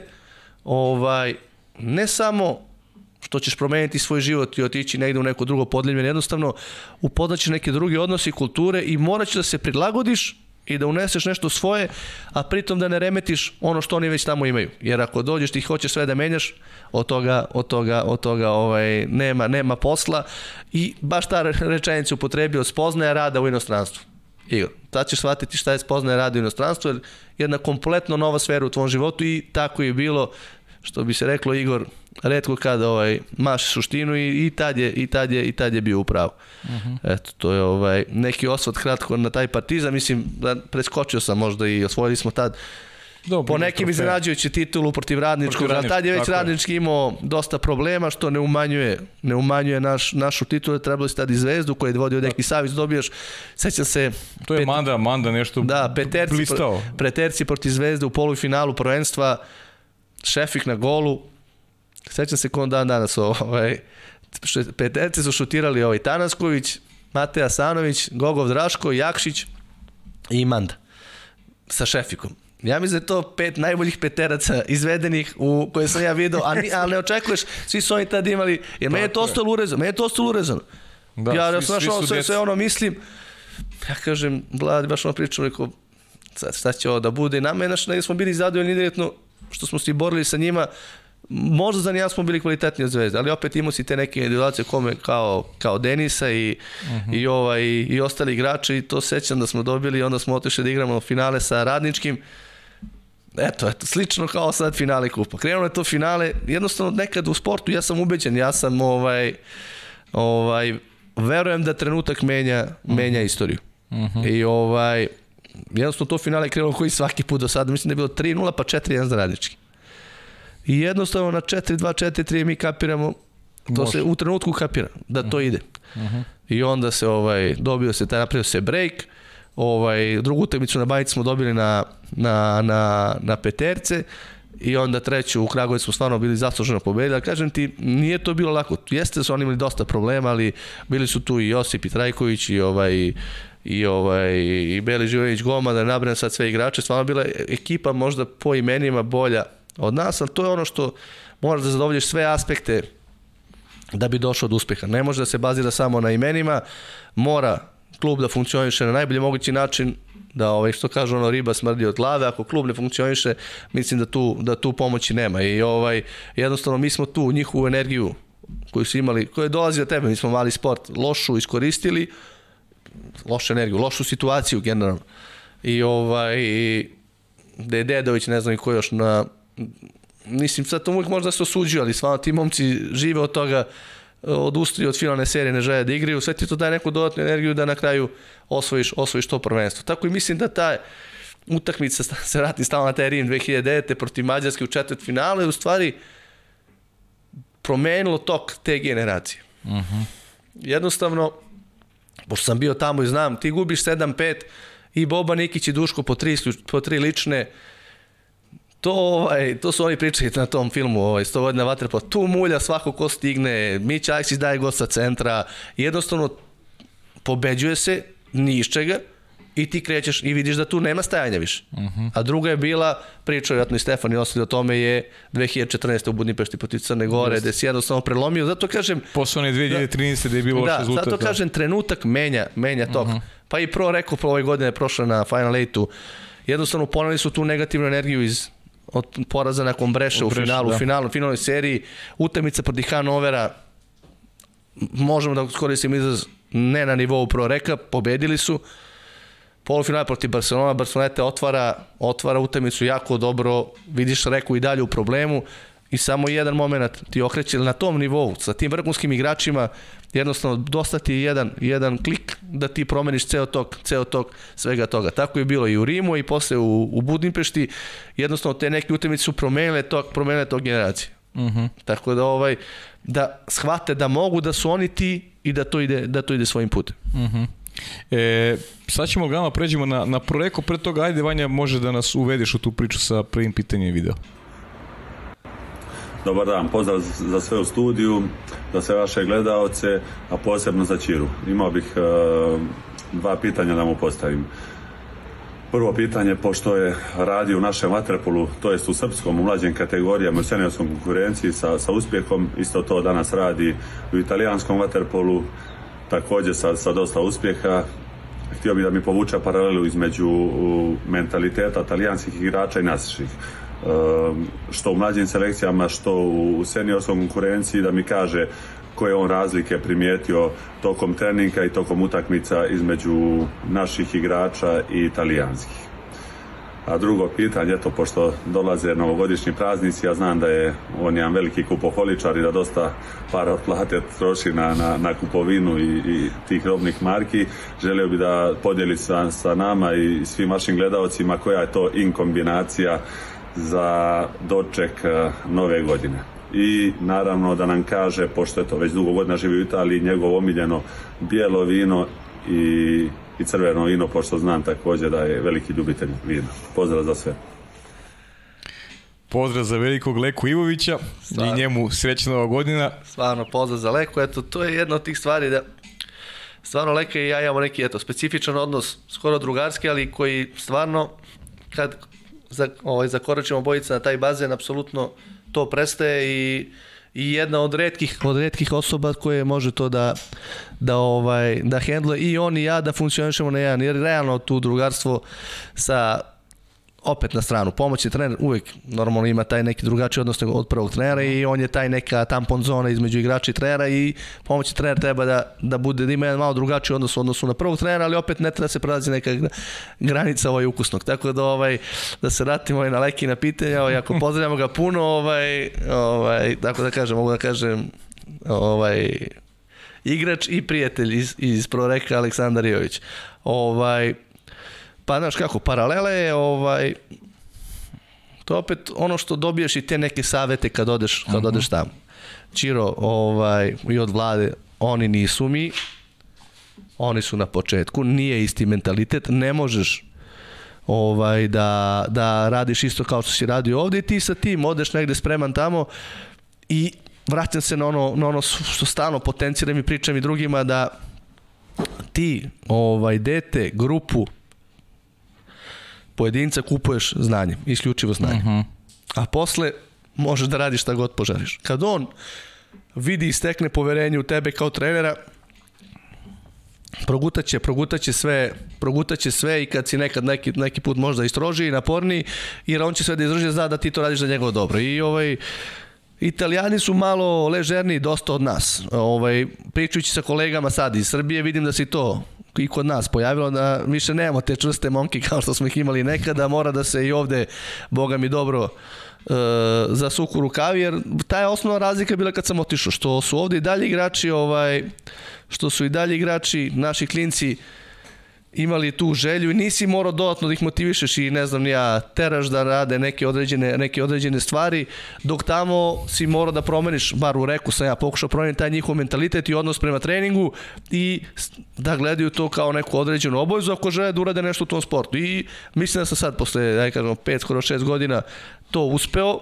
Ide teško ali jednostavno zadobio sam poverenje svih tamo da ono što kažem da za ovih pet godina stvarno nisam dobio ni jedan telefonski poziv ni od jednog roditelja, apsolutno su svi, su svi, ono, vratno ima manje zadovoljnih, ali zadovoljni sa tim što radimo i mi apsolutno, apsolutno ovaj, poverenje i u, i u mene i u kolegu koji radi sa mnom, da mi njihovu decu vodimo, vodimo ka pravim, ka ovaj, pravim, ovaj, pravim, vodimo ih pravim putem. O, što se tiče drugog pitanja, da, to se stalno provlači, ovaj, baš sam i sa njim komentarisao to, znaš, i Stefan je moj dotakao tu temu. E, po meni, niti si loši, niti si bolji trener ako si skromniji ili bolje, obučan ili generalno čovjek, što ono kaže, odelo ne čini čovjeka, ali svi mi radimo na promociji našeg sporta, Mm, to se stalno šali, pošto on prošao sa Perom Porobićem dosta, koji je nenina škola. Hm? Ovaj, to su morali da budu krem pantalone na klupi i ne znam, ove brodarice. I znam da je Dejan Udovičić na nekom juniorskom prvenstvu, valjda ne je on kupio, ali uzeli su recimo bele pantalone. Pa to je bio, Nena nije mogao to da, da gleda. Dejane, će neko, daj menjajte ove pantalone, izgledamo kao neki manekeni. Znaš, i ovaj, te neke stvari se menjaju. I Dejan je jedan od tih prvih koji je menjao te neke, Dejan, Dejan Savić, e, menjao stvari koje su bile postavljene ranije, da se izlazi iz tih nekih okvira, a opet držeći suštinu. Recimo Nena, priča Stefan, isto sad se vraćam, uh mhm. -huh. dođeš na trening, Čiriču opet si neobrijan, idi da se, ne možda dođeš neobrijan, ovaj, i tako je to krenuo, nije moglo se vodi treningu, ne znam, bademantilu papučama i to sve, i onda je to Dejan negde malo hendlovo sa Nenom i no on mu kaže, Dejane, daj, ajde, vidi, nemoj ubade mantilom, da, da, da, da, ovaj, i tako sam, znaš, negde promenio, jer suština je ta, zato pravim paralelu, da niti si bolji, niti si lošija osoba i tako i trener i ovaj, ja mislim da svi mi ovaj, radimo na promociji našeg sporta, pa zašto da ni ne izgledamo, ne izgledamo, ne izgledamo lepo ili ne znam šta, ovaj, što tiče nove godine, ovaj, ovaj, šta je to in, ovaj, to ću ovaj, njemu ovaj, privatno da, da odgovorim. A, ovaj, belo vino? Belo, da, on je, belo vino, eto, i ne konzumiram. Tako je, i crno, crno ovaj, sam tek počeo u Italiji da pijem, malo je normalno kao i crveno, crno, ovaj, kao i svi, ovaj, svi tamo, eto, jedna, od stvari koje imaju najbolji na svetu i i ovaj sigurno da ima tu zanimljiva priča što je ovaj Ečeniki. Ečeniki. Da, da, on ovaj je rodom iz Argentine. Leva ruka. Da, Argentinci su stvarno isto poznati po dobrim vinima. Sad ovi italijani se malo nerviraju jer on nama nabavlja ta argentinska vina stvarno, stvarno po dobro i, i ceni i stvarno je dostupan i ovaj, i onda se italijani, daj, u Italiji si piješ argentinsko vino, su stvarno dobra i mi često, svi mi, no, dođe kontingent, bukvalno kamion dođe i stovari tamo u reku sve to što ovaj, naručimo od, od Ćale Čenikija, a eto, tako da ovaj, mislim da je dobro za, za neki vent ili neka čašica, ovaj, čašica vina, ali je normalno, sve u svojim, u svojim granicama. Tako da, ovaj, eto, nadam se da sam odgovorio ovaj, yes. Aleksandru. Odgovorio si Leki, još jedan pozdrav za Leku. Ti si nas opremio, pošto smo došli do priče o Pro Reku, tu je naravno i ovako adekvatna, ovaj, adekvatna pozadina. Čiro, 2016. godine već si napomenuo, zahvaljujući Vladi Vojsinoviću koji postaje prvi trener i ti dobiješ priliku uh, da budeš u tom, uh, u tom sistemu. Uh, ne znam da li si tada slutio da će to toliko da potraje i da ćeš ovaj, uh, raditi sa mlađim kategorijama, pa i sad ti si čovjek kome očigledno ne treba postavljati pitanja, pa ajde ovaj da... da... Priča mi be. Ne, ne, super. Da često kažu. ne, ne, super je, super je, stvarno, ja uži, uživam i nema ni potrebe ovo, ajde da ti onako sam da izdvojiš šta je tu važno, da nam malo praviš priču, Leka se dotakao te teme, praviš tu, tu malo ta poređenja i, i generalno kako je raditi u tom sistemu, jer svi ga ovako doživljamo kao neki vrh piramide, s obzirom da projeku toliko godina ulaže, ulaže ovaj, u, u, u svoj igrački kadar, pa ajde ti iz prve ruke da nam malo ispričaš šta je pro reku i kako je živjeti i raditi u tom sistemu. Jeste, ja moram opet da se vratim na za, uh mhm. -huh. zahvalnost na vladi, jer sećam se i dan danas tog poziva normalno hladna je voda bila na banjici, nas smo trenirali na košutnjaku, ovaj, pošto već počeo to malo da se priča i on me pozove i kaže Čiro imam jedno pitanje, ja već pretpostavljam u kom će to smeru da, smeru da ide isto ono, bila je teška situacija u Partizanu i bez sredstava i uh mhm. -huh. i ovaj jer bi ti rekao bi bi čekaj da završim, ne ne da idem u rekao, rekao bi sigurno ovaj pa čekaj stavim polako, rekao Vlado ja to vidim kao neki iskorak u svojoj karijeri i, ovaj, i želim da nastavim da radim sa tobom. Ti si tamo legenda tog kluba i mislim da sve to može da bude da bude jedan jedan, jedan, jedna, jedna pozitivna i lepa priča i tu smo završili priču, bukvalno smo pričali tad jednom i ja sam mu stavio do znanja, on je imao tu određenu križu savest u smislu jer već počelo isto da se opet da se osipaju treneri u Partizanu, nije hteo da odvede. Mhm. -huh. Mislim da je čak i u nekom intervju to rekao i meni je to stvarno neka satisfakcija, ne treba mi intervju njegov, ovaj, da bi ja dobio satisfakciju samim tim što me zvao da idem tamo mi je bila dovoljna satisfakcija, znači da ima apsolutno poverenje, poverenje u mene i stalno i citiram ovaj, igračima, često klincima pričam da ovaj, znaš kako to ide, a i, i stariji igrači su u neku ruku još uvek deca, tako da i svi vole i pohvale i, ovaj, i onda mm, to je ovaj, ono je Balzak ovaj, uh, ko traži ovaj satisfakciju poh i pohvalu ne zaslužuje. Uh -huh. Ko je zaslužuje, njemu pohvala sa strane i ne treba. I tako je sam ja to doživao, taj vladin poziv, vladin poziv ovaj, u, u, u pro reko, jer stvarno ovaj, za mene u tom trenutku je bila velika satisfakcija. Stvarno, bez obzira na ostale stvari. Normalno nije to bila laka odluka, već o, imaš porodicu, supruga koja ima jako ovaj, korektan posao i ona negde napreduje i ona znala da nas polja tu, koju sam rekao tu rečenicu malo u šali. Rekao, vi kako hoćete, ja idem sigurno u pro rekao. Ona kaže, čekaj malo, rekao, Tijana, ovaj, to je ostvarenje nekog sna, neki logičan put u, u nastavak mog, mog razvoja i ja želim da idem tamo. I onda smo ovaj, svi zajedno, svi zajedno otišli i stvarno uh, opet to što kaže i vraćam se i na Igora i na tu rečenicu spoznaje rad inostranstvo je stvarno jedna stvar koju treba čovjek da prođe i doživi da bih mogao da, da napreduje i da, i da radi, da radi nekom određenom nivou. I meni je jako žao, znate, vlada je živa, što bi se reklo, legenda pro reka i to je sport. Negde na kraju može sve da se tih nekih, koliko je bio 6-7 godina tamo osvoje sve i svašta. I jedin igrač koji je dobio ovaj, te čuvene ključeve grada od gradonačelnika Reka kao počasni građanin ovaj, stvarno je o, jedan od redkih igrača od čuvenog o, gazde Gabriela Volpe koji je imao taj ovaj, taj odnos sa njim. Nažalost sad pričamo kao neuspeh kao koji neuspeh vlada, odnosno mi smo kao ekipa osvojili dva prvenstva Italije i dva kupa. Jednostavno u tom trenutku je bila potreba za ligom šampiona. Uh -huh. Zato što baš povlačim paralelu prošle godine. Izgubilo si to prvenstvo. Znači, nije to lako osvojiti. E, ovaj, onda, onda ispada kao neki neuspeh. Ja ne mislim da je neuspeh i vraća se za taj pritisak. Lično za nas dvojicu, odnosno za klub, to jeste neuspeh, ali nema potrebe neko da ti to sad trlja na nos, jer imaš uvek najviše ambicije i ovaj, imali smo te neke poto druge sezone, tu neku nesreću da je Sandro, koji je sad trener, sukno pro reka, ovaj, morao da napusti Vatrpola, a bazirana ekipa bila na malte na njemu, Fići i Mandi, ostao si bez bitne karike.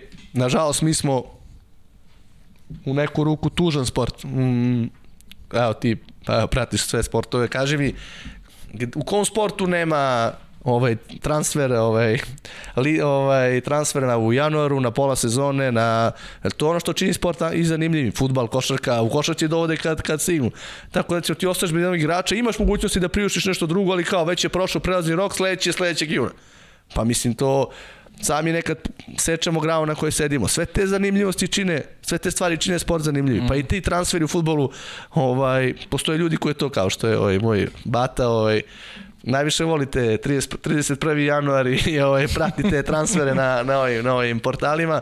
Za sve sportove zanimljivo gde je ko prešao, šta ko radi. A recimo ti si u Waterpolu, recimo ovaj, osakaćen da nemaš, nemaš tu mogućnost i samim tim se gubi na toj draži. Eto, jedna stvar koju bi ja recimo promenio, šta znači? Mislim, da, ne možda vidiš igrača koji igra Ligu šampiona, recimo. Pa da, recimo, recimo evo, ja baš stavim, ovaj, u tom trenutku neko ko bi mogao da ga zameni, je stvarno bio na nekom na nekom vrhuncu je baš bio, mislim, Felipe Peroni iz Barceloneta. I sad ti njima ponudiš neku cifru, oni kažu mi hoćemo toliko, mi nećemo i sve to opet daje sportu neku, neku draž. I onda kažu recimo, otišao Felipe, nije se znao otišao sad u reku. Dajem ti primjer. Ovaj, ne znam da li je on bio, ali jednostavno to je, to je problem, problem našeg sporta. I, ovaj, i stvarno hoću da kažem, za mene prelepe dve godine, nažalost, e, nakon toga vlada se razilazi i opet jedan šmekerski potez, gest, što ja i dan danas imam neku dilemu unutrašnju, Možda neko kaže daj sad šta pričaš kad si ostao još pet godina posle. Stvarno mi je prvo kad mi je rekao ja Čiro sam završio sa prorekom da ti kažem odmah ako žele da te zadrže ostani nemoj da imaš nikakav problem prema meni. Ja mislim mogu da kažem znaju i moja, ja sam bukvalno sve stvari odneo iz reka. Uh -huh. Nisam želeo da se vraćam. I onda su me u toku leta kontaktirali pa da li bi se ti vratio, draviš stalo sa mlađim kategorijama, ovo ono, ja, pa ne bih, ne bih, ne bih, onda se i sa Vladom konsto i Vlada rekao stvarno, Čiro, ja ću sigurno da pravim jednu pauzu u karijeri, ovaj, minimalno ti trebaš da nastaviš svojim putem, slobodno, nemaš nikakvih problema. I eto, recimo ja sam tamo, tamo nastavio i kad sam došao te treće sezone, nije da su oni imali 100% proverenje. Moguće sad idu tu stvarno priče i to sam jednom na priču na jednoj našoj televiziji. Uh mhm. -huh. ovaj, on pitao me, tačno su roditelji traži da se ti vratiš, sad je rado otiš. Neku ruku jeste postoje taj pritisak, jer su baš to oni vidjeli, ono što rekao, kad neko kupiš zdanje, onda ti se to negde posle i vrati. I negde jeste to bilo, su oni pritiskali klub da ja da se ja vratim i vratio sam se, ali nije bilo, nisam bio od početka po meni, ono, rašenih ruku, dočekan u smislu, sad je bila ta dilema, kako će on, znaš kako to se gleda, to on je vladin čovek, ovo, da li će da dođe da odradi, da uzme pare ili će da radi stvarno. I onda su posle tri meseca ukapirali da ja nema to, ja radim posao kako ga ja radim, radim na, na sebi, radim na toj deci, ne, ne, ne, nikad ne bih radio nešto što podrazumeva neko otaljavanje ili, ili neki nerad, jer ja se ne bih našao tu, ako nema čovjek motiv, onda on ne može, ne može da radi. Uh -huh. I mhm. tako se to nastavilo, počeli smo da, da kreiramo nešto, ili to je jako težak proces. Neka volja postoji, pričam za razvoj mlađih kategorija u proreku, ali nije imao tu dubinu od početka. I ovaj i negde se to vremenom u trećoj, četvrtoj godini malo sklopile kockice, dobili smo više na prostoru. Glavni je problem, prvo rekao, nije imao svoj bazen. Uh mhm, -huh, pa da. Bio sam, znam, da, tako da znam. I onda da. ti ne možeš, odnosno ima svoj otvorni bazen gde treniramo ove godine, uh mhm. -huh. ali to je od, od prošle godine opet stavljeno u funkciju. I ti kad treniraš tako to, u dve staze, plivačke pruge, ne znaš ni gde si danas, gde si sutra, nemaš nikad teren, e, jako je teško da, da se napreduje. I mi smo i čak i tako napredovali, približili smo se tim pogotovo na, u regiji naše Liguri u tim nekim ekipama i počeli smo da stvaramo neki svoj imidž, što je jako bitno da bih mogao da, da bih mogao da bi ste mogli da privolite decu iz ostalih klubova i gradova, pošto je tamo kao u Crnoj Gori. Svako mesto ima, ima na svaki 2 km do mesto ima svoj klub i svi se bore grčevito za tu decu zadrže, što zbog uh, kluba, što zbog e, normalno ovih kako se zove članarina i i to je i to je i to je to. E sad, ovaj mi smo se vremenom postali polako prepoznatljivi i deca počeli smo da ovaj deca da dolaze, diglo se to na više nivo, nivo dosta se to omasovilo i ovaj došli smo skoro do neke brojke od 100, a bukvalno smo krenuli od nule. Od nule kad sam došao sa Vladom i kulminiralo je prošle godine stvarno osvajanjem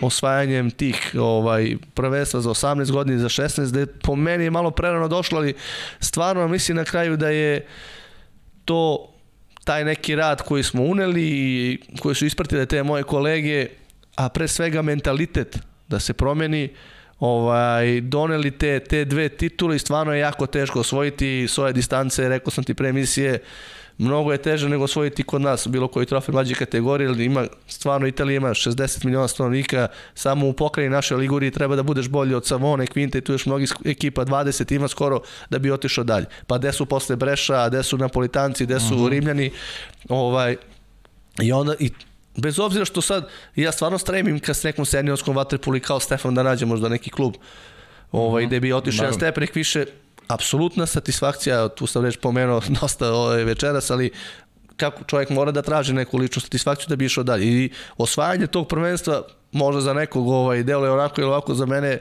jedan i dalji postak da, smo, da sam na dobrom putu i da, da, ovaj, da idemo dalje. E, a rekao kao klub, sigurno jedan, znaš kako to sad oni dele, tu rečenicu, imaš ono dalje najuspešniji ili je najbolji? Uh -huh.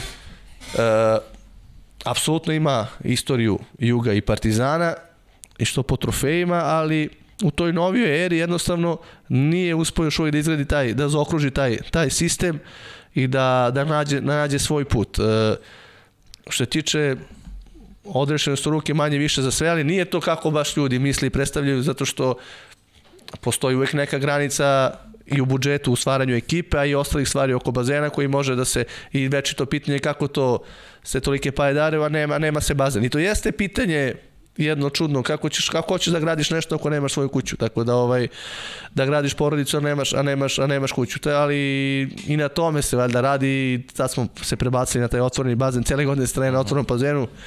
To je za mene bio ovaj svojevrsni šok, nikad nisam radio na otvorenom bazenu, pogotovo tokom cele godine, zimi nije baš prijetno, ali eto i deca su se navikli i sve je to ono što ide, što ide u, u, u rok službe. Eto, -huh. to ti ovaj, ovaj, to u nekom prvom periodu sa Vladom. Onda sam, kad je Vlad otišao kada ti radio sam samo dve, dve godine sa, odnosno tri, samo sa mlađim kategorijama i I su ti klinci uglavnom iz regije, a? je tako? Pa da, teško je, kažem ti, moraš da pokupiš svu tu decu.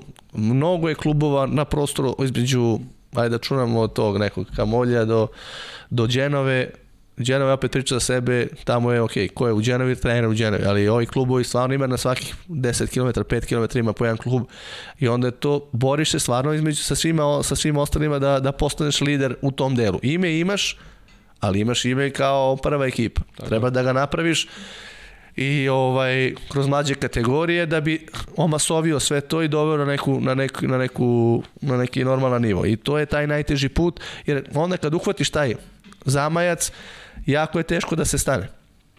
Imaš neku tu podršku, ja je stvarno imam tamo, ne mogu da kažem, ovaj, e, izuzetno me cene i poštuju i mišljenje mimo tih, kažemo, mlađih kategorija, što je rezultiralo na kraju da se opet ove godine vratim Prvi sa prvom ekipom, da, sa, na poziv Sandra Sukna i kao neki logičan sled, sled okolnosti, ovaj, tako, mislim da se sa njim isto jedna lepa saradnja, jako se, mislim, mlađi je, mlađi je od mene, ovaj, ali mislim da, da smo jedan dobar spoj, normalno na kraju, znamo i on i ja, gledaju se samo rezultati, u sportu generalno je pogotovo u našem, u reku se gleda samo to, ako pobediš, tapšite po ramenu, ako ne, reći će Klasika. kao i tvoji prethodnici nisi zadovoljio i, i jednostavno tako. Jednostavno, rekao je, to je njegov problem, oni, ja mislim da može da se promeni, oni recimo tvrde da da to nije izvodljivo, da je rekao nešto drugo. Uh, nemaju strpljenje u smislu da sačekaš koliko je Vlahos u Olimpijakosu, koliko je Žolt Vargo Ferenc Varoš, uh -huh. pa je svake godine osvajao. Pa nije, ok, drugačija struktura. Imaš nekog, što kažu kapa, ovaj, padrona, odnosno to gazdu i kao svim ostalim sportima, znaš kako to sad gazde, hoće da se ovaj, osvoji pošto potom, mada je on mhm. izuzetno korektan, ovaj, ali ima taj drugi pritisak. Ali mislim kad bi se imalo malo više strpljenja da bi rekao u pet godina recimo uvek uzimo bar po dve titule Ligu šampiona, a ne da se desi kao mhm. sad u prethodnom periodu zbog velikog pritiska, ovaj, pa smo napravili tu paralelu Novi Beograd rekao, ovaj, zbog velikog pritiska na kraju ne, ne, uspe se da se uzme ta Liga šampiona a onda ti prolasiš sezonu sezonu kao nevažećom, neadekvatnom, nezadovoljavajućom, zato što si osvojio samo kupi prvenstvo. Uh mhm. -huh. Mislim da je jako teško osvojiti bilo šta, Preša to prošle godine pokazala, to je ono što ti, i ti učiš vremenom. Negde da me neko pitao, ovaj, šta misliš, da li može Breša dobije rekao na tri utemice, apsolutno odgovor je moj bi bio ne, očigledno da sam ja pogrešio, jer Breša je stvarno jako kvalitetna ekipa i ovaj, što pokazuju i ove, i ove sezone i kažem i to je ista ta utemica Breša Novi Beograd da se vrati na Ligu šampiona. Breša aktualni prvak Italije. Mislim igrao prošle godine izmaklo mu je finale za malo. Nije to ekipa nije sramota izgubiti mislim od bilo koga ko je bolji u tom trenutku. Ali dobro se sad ne vraćamo na tu temu. Ovaj eto to je to rivalstvo koje postoji godinama u naziv među Reka i Breše i i ovaj to vidiš ovo što su sad možda videli na, na primjeru i Novog Beograda i tamo. Jednostavno, kad je Breša prošle godine osvojila, ne postoji ovaj klub ili neka novina da nije provuko to kao evo čestitamo Breši. Na, kad rekao osvoji to je kao u redu je idemo dalje i nema nekog poštovanja. Više normalno poštuju i svi vole da vide što kaže lava skinutog sa trona i to je možda negde i normalno ali mislim da se ide tamo u, u, u drugu krajnost. I kad odeš na Final Eight mislim da svi ove, ljudi koji dođu da vide, plus ekipe koje učestvuju na turniru, ovaj, jednostavno ovaj, žele da vide reko na drugom ili trećem mestu. Uh mhm. -huh. Tako da je jako teško boriti se sa svim, sa svim tim. Ovaj, ja to stalno kažem, kao da ti se neka planina nakači na, na leđa kad dođe ta dva dana pred, pred Final Eight, jednostavno znaš da, je, da si ti taj, da ti moraš i to i jeste neka ovaj, stvar na koju možda ja još uvijek nemam odgovor kako da, da, da dovedeš svoju ekipu u stanje da rasteretiš. Da rasteretiš u tim, u tim stvarima, jer ovaj, to jednostavno, jednostavno nije lako. Mislim, oni su pokušali sa Ratkom posle vlade Rudićem, koji je uh Mhm. -huh. jednostavno desio si tamo da su izgubili od, da smo izgubili od, ovaj, u Hanoveru od Olimpijakosa. To su jednostavno stvari koje se dešavaju. Nije, sport je živa materija i, i, ovaj, i vremenom za sve treba vreme, odnosno. E, ajde da, pošto si pomenuo Brešu, da vidimo još jedno video pitanje. Pozdrav svima u studiju. Čiro, imam za tebe dva pitanja. Prvo pitanje se odnosi na vreme kad smo bili u Partizanu. Sećaš se da smo tebe zvali Zli Čira, tvog brata Stefana Dobri. Pa bi voleo, voleo bi da čujem nešto o tome, voleo bi da nam ti ispričaš nešto o tome. A drugo pitanje e, se odnosi na, na Pro Reko, odnosno italijanski šampionat. Znamo svi da si pomoćni trener Pro Reka. Zanimaju me tvoje ambicije i da li se nadaš ove sezone možda nekom trofeju. Pozdrav. Eto, da. Pozdrav za Đoleta Lazića, veliki. Tako je, pozdrav za Đoleta. Evo, sma, normalno da je, nije drago, mislim, prisvajanje igrača generalno je jedna ružna stvar. Često rade to ljudi, e, da ne znam sad da kažem, Jakšić je moj igrač ili Đole Lazić je moj igrač. Uh -huh. Svi smo ih mi treni. To može da kažem, možda neko ko je preuzeo generaciju sa 10 godina i izvoje do prve ekipe, ali opet u toj prvoj ekipi ga neko naučio nešto drugo. To prisvajanje, ali ovaj, stvarno vreme provede i mene stvarno puno srce gleda, ovaj, gledajući ovaj Final Four, kupa, da gledam svu tu decu Partizana koji nažalost nisu u Partizanu. Moram da kažem nažalost nisu u Partizanu, ne mislim da se radi loše, naprotiv, uradili su pravi pote što su otišli u nekom trutku što je bio dobro za njihove karijere, ali kad gledate ovaj Šabac, Zvezdu, Radnički pa i Novi Beograd, tu je stvarno gomila dece Partizana Uh -huh. I to je pokazatelj da je neki taj rad i sistem dao rezultata i mi smo bili deo tog sistema. Svi ti mladi treneri i Stefan i Uroš i Zoran, pa i ja i, i ovaj tako jedan od tih i Đole, i Đole Lazića. Stvarno, stvarno moram to stalno da, da napomenem i da mi je neka satisfakcija da, ovaj, da si u nekog usadio, usadio bar, bar nešto. Ovaj, a da mi odgovorio Đoletu na, na, ovaj, na pitanje, to jeste tačno. Mene su zvali ovaj, zli Čira. Pretpostavljam da će neko da pita ovaj, ovo pitanje, ovaj, a Stefana dobri Čira. I jeste to neka razlika ovaj, bila malo u, u vođenju, u vođenju ekipe. Ja sam bio ovaj, manje tolerantniji od njega, što nema veze sa, sa radom, niti on radio loše, ili ja bolje, jednostavno za neke stvari sam bio, eto, jako smo blizanci, imamo slične poglede na svet, ovaj, i to i dan danas, ja kažem da on ima taj kvalitet koji ovaj, ovaj, možda trenutno ispred mene je mnogo staloženiji u nekim situacijama, mnogo je bitno da, da ekipa ovaj, oseti tebe ovaj, staloženog i mirnog i da to, da, to, da to ide dalje. Ja sam možda malo impulsivniji i to je u stvari recimo stvar na koju, treba, na koju ja trebam da radim recimo, ali eto to je to je tako. Stefan je stvarno bio malo malo ovaj popustljiviji, ja dosta strožiji, tako je to bilo ovaj ovaj zli Čire i, i, i dobri i dobri Čira. Inače inače ovaj stvarno ovaj jedna generacija 95. 6. 7. 8. to godište stvarno je bila velika baza i stvarno dosta igrača, pa i Gogo i ovo igra igra danas na na nekom nekom vrhunskom na nekom vrhunskom nivou i i ja sam stvarno srećan što sam, što sam bio deo, deo toga i sad sa ove distance možemo da se i smejemo i pričamo o ovim, o ovim šalama i ovaj I bilo je tu stalno ovaj, nekih, eto, to da, da dodam nekih šala, ovaj, pošto smo dobro, brat i ja nismo, ovaj, se kaže, obdareni rastom, ovaj, onda je to bilo, sad će se šala, šta čira, između dece, šta čira bude kad poraste, pa ne poraste.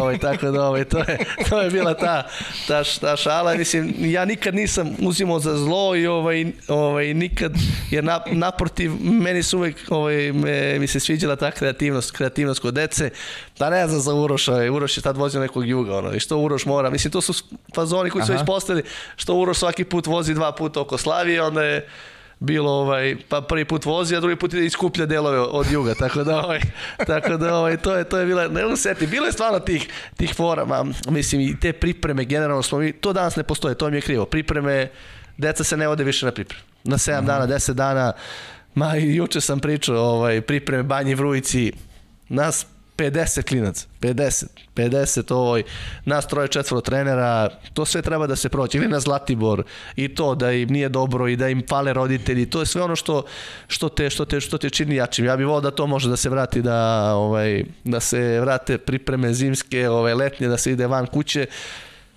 jer tako se sazreva brže i socijalizuje. Uh -huh. A drugo pitanje, Đoletovo, šta se nada ove godine? Apropo, vratno, prošle kad je svoje Breša osvojila prvenstvo. Ja se stvarno nadam da smo kadri da vratimo titulu u Reku. Mm, izuzetno, izuzetno težak, težak, težak put. Ovaj, mislim da Breša stvarno igra dobro i pokazala u prvom delu sezone da je, uh -huh. da je ozbiljna ekipa. Nama malo fale te tako opet se vraćam na, na naš sport, mislim, pa evo ti pratiš i futbal i sve, zna se, zna se šta su šeširi. Ne može jedna grupa u Ligi šampiona da se završi sa sedam jakih ekipa, zato služe ti šeširi. A ova druga Just. grupa, druga grupa završi Slažem se s uz, uz, duže, uz dužo poštovanje svih ekipa. E, recimo, mi imamo taj problem, rekao da nam fale te jake utakmice. Ti na tim jakim utakmicama doživljavaš uspehe i neuspehe i trasiraš neki svoj put u odnosu na te, na te stvari. Recimo, ako izgubiš utakmicu, stvara se tenzija, rade se Just. analize, menjati ceo tog, ceo tog sezona. Zato ja mislim da loši start Novog Beograda, ja znam da su oni sigurno hteli kup da osvojen, možda čak i nije toliko loš da bi vidio video gde si i da nađeš put sam, ovaj, što bi rekli, ili ćemo pronaći put ili ćemo ga sami stvoriti. Na, ovaj, da se nađe, da se nađe put ovaj, ili da se stvori nekako koji će te dovesti do vrha. A Greko cele sezone, svaki, svih ovih godina, bar dok sam ja, ide sve kako treba, ravna linija do pred kraj sezone i onda se desi prva teža utakmica, prva prva ovaj, uh, utakmica pod pritiskom i desi se normalno kiks, opet po znacima navoda kiks, ja opet mislim sportu nije sve ovaj crno i belo, tako da ali sa naših aspekata, sa naših želja, neuspeh ne osvajanje Lige šampiona, ali ni, se kaže nije smak sveta. Ja stvarno mislim da biće izuzetno teško, ali nadam se da ćemo ove godine godine osvojiti nadam se da ćemo ovaj osvojiti prvenstvo, ali biće sigurno sigurno sigurno neizvesno povrh svega zato što se ekipe vraćaju sa nakon svetskog prvenstva. Sve što si konstruisao do tad ne mora da znači, može da padne u vodu, bitno je da budeš onaj pravi poslednjih mesec dana i to je ovaj to je ovaj pitanje, to je ovaj jedna nova stvar. Videćemo ko će se tu najbolje snaći. Stvarno mislim da nije nije lako to, pogotovo rekao ko ima gomilu reprezentativaca, svi ti skoro idu. Ove godine to malo manje, pošto su neki odešli u penziju kao što su, ne znam, Lončar, e, ovaj Leka, pa će ostati u klubu, ali zamisli sad recimo da je bilo prošle godine ta klasična situacija, svih 13 igrača idu negde. Ili su italijanski, ili su srpski, ili su crnogorski, ili su mađarski reprezentativci i, ovaj, i ti sad šta, ništa, vraćaju ti se i ti trebaš u tom poslednjih tih mesec dana da ih nekako motivišeš, spremiš da da opet da, da daju svoj maksimum. Jer uvek gledaš šta je bilo iza. Nije isto kad se neko vrati kao svetski prvak, a neko je bio sedmi. Uh mhm. -huh. I ovaj svetski prvak je prazan, a ovaj sedmi je ovaj u tučima. Sve to mora da se da se napravi na da je bilo na jednom određenom nivou. Tako da videćemo jedna jako zanimljiva i duga sezona i videćemo šta će šta će da donese.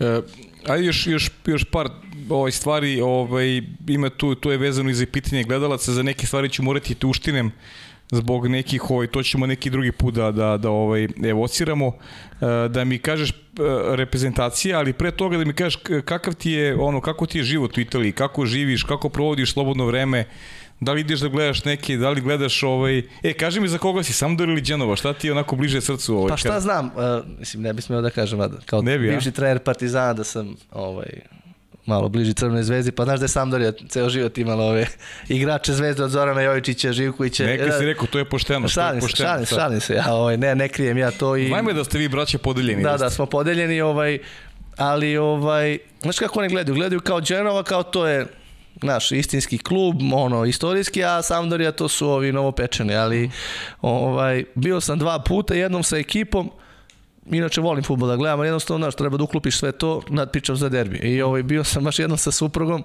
ovaj, nju sam vodio na futbol, nisam imao sa kim i mislim da je bilo posle, rekao sam, rekao, vidio, mislim da je posle 10 godina prvi put bilo 0-0 na derbiju, ja kažem, neću više da te vodim stvarno. I ovaj, ja sam izuzetno zadovoljan ovaj, životom u Italiji, to je jedna stvar što, što mi isto pokreće, e, znaš, živiš na moru, mirno je mesto, malo mesto, niti sam ja rođen i Beograđan, ali sam zavolao Beograd. Uh -huh. I to ti u neku ruku fali, ali s druge strane, o, isto i danas, ta, u Beogradu danas je postao tačka A, tačka B, sat vremena minimum i to trebaš da imaš stvarno dobre živce, a to tamo u tim malim mestima nemaš.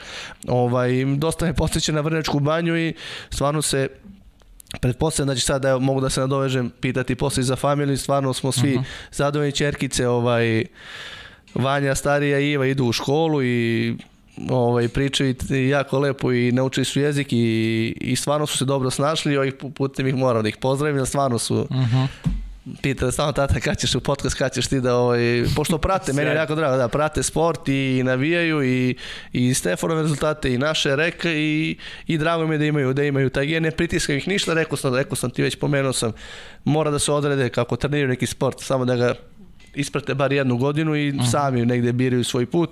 Ovaj, naravno, stvarno je fraza, ja mo, mogu i moram da pričam lično za mene, znaš ono, iza svakog uspešnog ovaj, stoji jedna, stoji jedna ovaj, stabilna porodica, a povrh svega žena, ja stvarno u njoj imam jedan jedan nevjerovatnu, nevjerovatnu podršku i osnovac, jer i to je redko naći da e, supruga žena razume razume e, život jednog sportiste. Da si ti mhm. trener ili igrač, to je stvar, a ona to apsolutno razume, ima jako dobar žel da, da mislim da je Stefan to prošli put pomenuo, kaže njoj svaka čast, jer ovaj, pa znaš kako to je, blizanci su čudno, ne? kad se ja oženio, pošto ženio dosta pre njega, ona je praktično živela sa obojica i sve te naše klinačke faze od, od svega, ovaj, onda on to rekao, stvarno to što je ona izdržala i, i jeste, nije, niti je mučenica, niti šta, ovo ovaj, isto jedna ozbiljna, što kaže, i, i poslovna žena i u, u, u drugu ruku, što meni je stvarno ovaj, bitno i, i domaćica, nije neko ko i, stvarno svima nama jedan, jedan osnovac u, u porodici, tako da ovaj, stvarno smo svi zadovoljni tamo i, i ovaj, uvek nostalgija malo vuče, ali eto, sve to vraćamo se na tu spoznaju rada i života u inostranstvu Čika Igija, tako da ovaj, sve tamo i učenje jezika je jedno bogatstvo za sve i za decu uh -huh. i za sve nas, tako da znaš kako, ti se okreneš i već vidiš da si skoro šest godina tamo. I on te pitaju, znaš, da bi te ostaneš još i ti vidiš da je to već skoro ćeš doći možda do 8, 10, što je jedna jako, jako bitna, bitna stvar. Ovaj, I o, ne znam, za, sad, za sada kažem ti, pitao si mi da bi volao da budem i deo ovog, u, ovog u Srbiji, u neku ruku bi, ali bi sigurno volao da ostanem tamo sve dok imam osjećaj da mogu nešto da dam. Uh mhm, -huh, Znaš, tako uh -huh. da mhm. ovaj, ovaj, jer stalno pričam ja o, to, o toj energiji, mislim da ona jako sužena. Ti možeš da je podeliš na dve stvari. Jedna je porodica, a druga je, druga je to čime se baviš. Sve ostalo ne može da dobije tu istinsku energiju i ljubav od tebe. I ja još uvek taj deo prema sportu držim držim, držim, imam nešto što me drži u reku još uvek. Prvi put kad ne budem osetio ovaj, neki entuzijazam i neku želju, verovatno ću tražiti rešenje da promeni, da promeni klub. Ne znam da sad pomenuo da se ne naljati ovaj supruge na Četijena se zove, eto, mm -hmm. ovaj, šalim se. Obojest. Eto, tako, pozdravljamo i nju. I Obojest. ovaj, i, Reku ima tu prednost što ima uvijek dosta igrača sa naših područja, područja koji imaju uh mhm. -huh. porodice tamo i, i ovaj i oni i svima nama olakšavaju, olakšavaju život, pogotovo svi koji su već tamo starosedioci, uključujući i Lekinu familiju, on što kaže koliko smo ljudi ispratili odavde i dočekali, pošto je on stvarno tamo već skoro 10 godina, ovaj, pa sad se šale sa mnom da sam ja taj koji njega nasleđuje i koji šalje redom, redom kući ovaj, iz reka, što naši igrače, što ja, ja sam ostao tamo, ali ovo, eto, ostao sam posljednji Srbin u ovom trenutku, neki mali možda zaokret, rekao, inače nije bio nezamisliv bez naših srpskih igrača, što je i logično.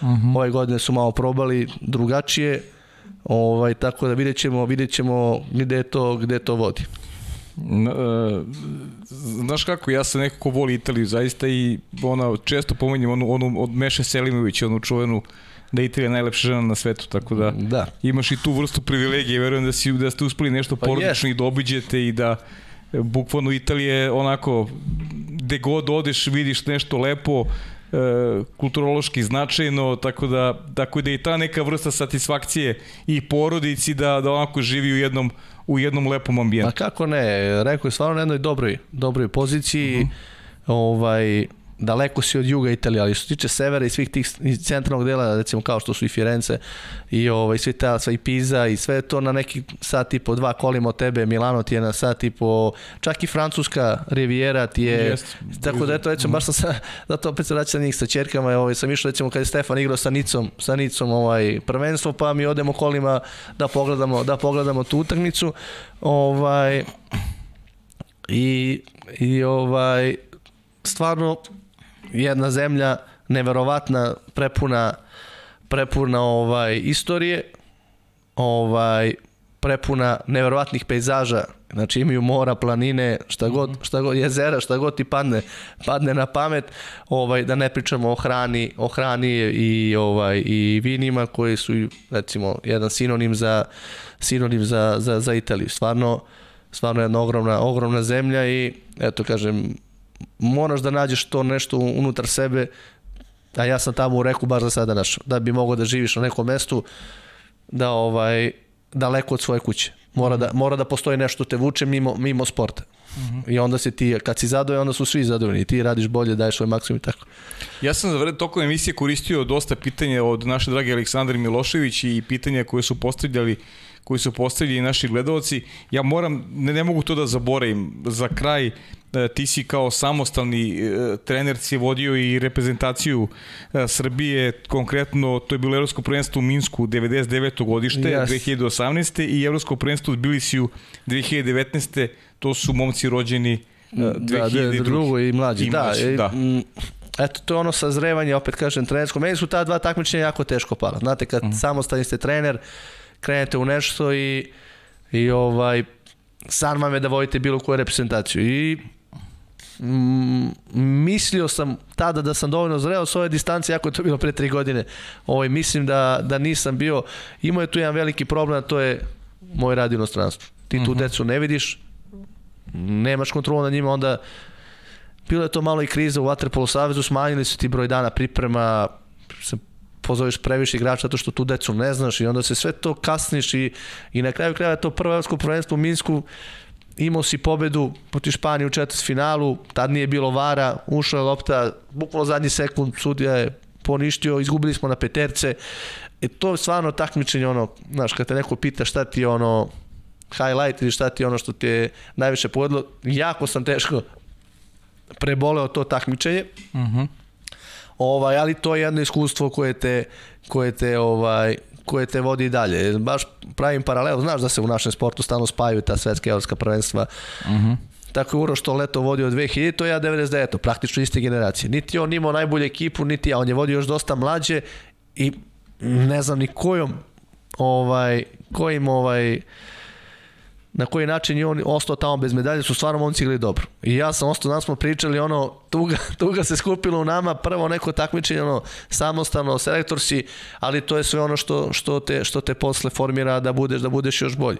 On je kasnije uzao i, ovaj, u Kuvajtu i, ka, i pre toga u, da su igrali u, u Kuvajtu i sada u, u, u Pragu, eto, negde, negde se, se povrati, dobio tu neku satisfakciju, a meni je to i dan danas ostalo ta igračima, vratno, tim klincima ta neka, neka rak, rak rana. Neka, da, da, pa i jeste, i to posle u, u Tbilisi, u Gruziji, evropsko prvenstvo, e, ostanemo bez centra dan pred prvenstvo i jednog od najboljih tada igrača, od Petra Mitrovića, ne, stvarno nije alibi, nisam ja alibi, mm. alibi trener, nego jednostavno, znaš ono kad ti podvu, izvučeti neko tlo pod nogama.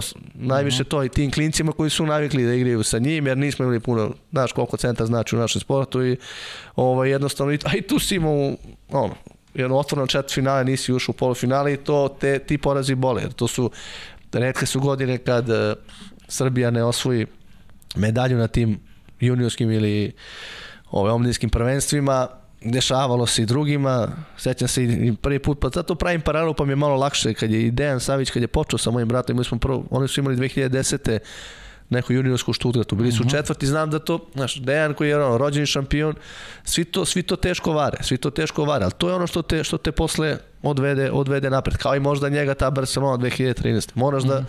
da vidiš kako je loše da bi išao, išao dalje. Eto, to je, to je taj osvrt. I na to sam, bez obzira što mi je negde neko tako boli, sam izuzetno ponosan i uvijek mi je čast. I rekao sam ovaj, kad god se vratim u Srbiju, jer mislim da je to glavni preduslov, da se vratiš ovde, da bi mogao da budeš selektor. Ovaj, niti je mene neko ovaj, otor rekao nemoj Ćiro više da budeš selektor, ja sam rekao i oni su se složili da ovo nema, nema smisla. Kad si van u inostranstvu, nemaš, nemaš ovaj, uvid u rad sa mlađima, ne organizuješ kampove, nema smisla da, da se da radiš to jer svi, svi su na gubitku. Tako eto. Ovaj, nešto da ti kažem, Ćiro, e, s vama Ćirić je može se priča po 12 sati u Waterpolu. E, sada ćemo da stavimo tačku, da ovaj, zaključimo ovo naše prvo druženje. E, ti moraš da mi obećaš da ćeš doći sledeći put, jer ima još tema koje nismo dokačili, tema, tema vezanih za neki trenerski aspekt, u kom pravcu ide vaterpolo, kako ti vidiš napredak igre, da napravimo neka poređenja druge vrste, ali mislim da bi nam trebalo još neka dva sata sigurno da se obradimo, tako da mi obećaj ovaj, da ćeš doći na leto kada bude bila pauza, da se ponovo družimo, da završimo priču koju ovog puta nismo završili, jer ja sam te ovog puta dam akcenat nečem što je tvoje lično, tvoja karijera, a da onda dovršimo jer stvarno bilo mi veliko zadovoljstvo i generalno i sa Stefanom i s tobom da pričam i, i, ovaj, i baš bih volao da, da, da ovo naše druženje nastavimo kroz neki sledeći podcast.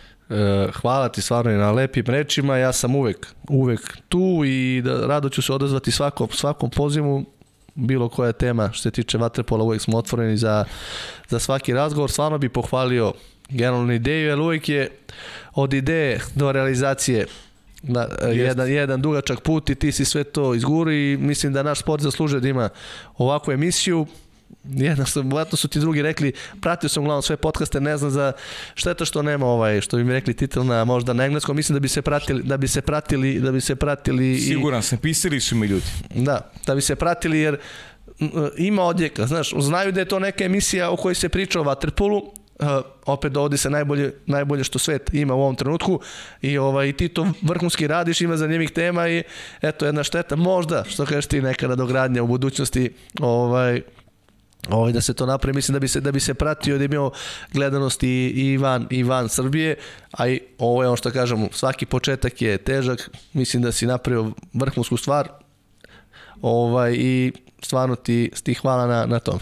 Hvala tebi, smo rekli za porodicu, treba da dodamo nešto za porodicu? Ništa, još, ne, evo, ništa, stvarno za... da pozvanih, stvarno, ovaj, što kaže, ponosni tata i, i ovaj, i, i one u neku ruku, jako su male, izuzetno razumeju moj ovaj neki poziv, vole sport, prate i ja sam sa te strane, znaš, devojčice su zadovoljani i stvarno ih sve ovaj, i suprugu i njih pozdravljam i što kaže hvala im na, na svemu što su, što su istrpeli jer znaš, treba promeniti i jezik i sve i način života i školu i apsolutno su, su ovaj stali iza, iza mene, ja, ja naravno se trudim da da ovaj da ne osuse, da ne osete toliko moje odsustvo i da ovaj da osete tu pozitivnu energiju i ljubav koju osjećam prema njima. Eto. Jo, možda samo nešto te zamolim za kraj.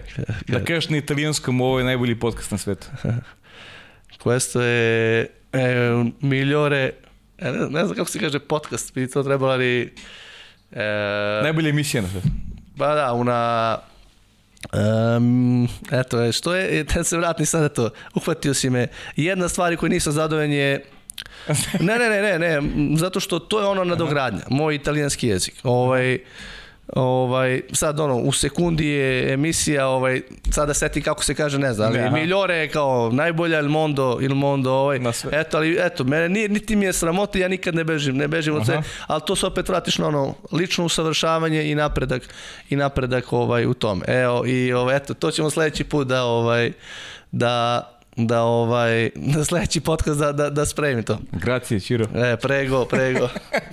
Hvala puno Ćiro. Ovo je samo prvi deo emisije sa Milošem Ćirićem, dakle gledaćemo ga ponovo na letu, to vam obećavam, to je obećao i Ćira. Ja vas pozdravljam i pratite Sarin i moj Instagram da saznate ko će biti naredni gost. Želim vam sve najbolje. Sve najbolje.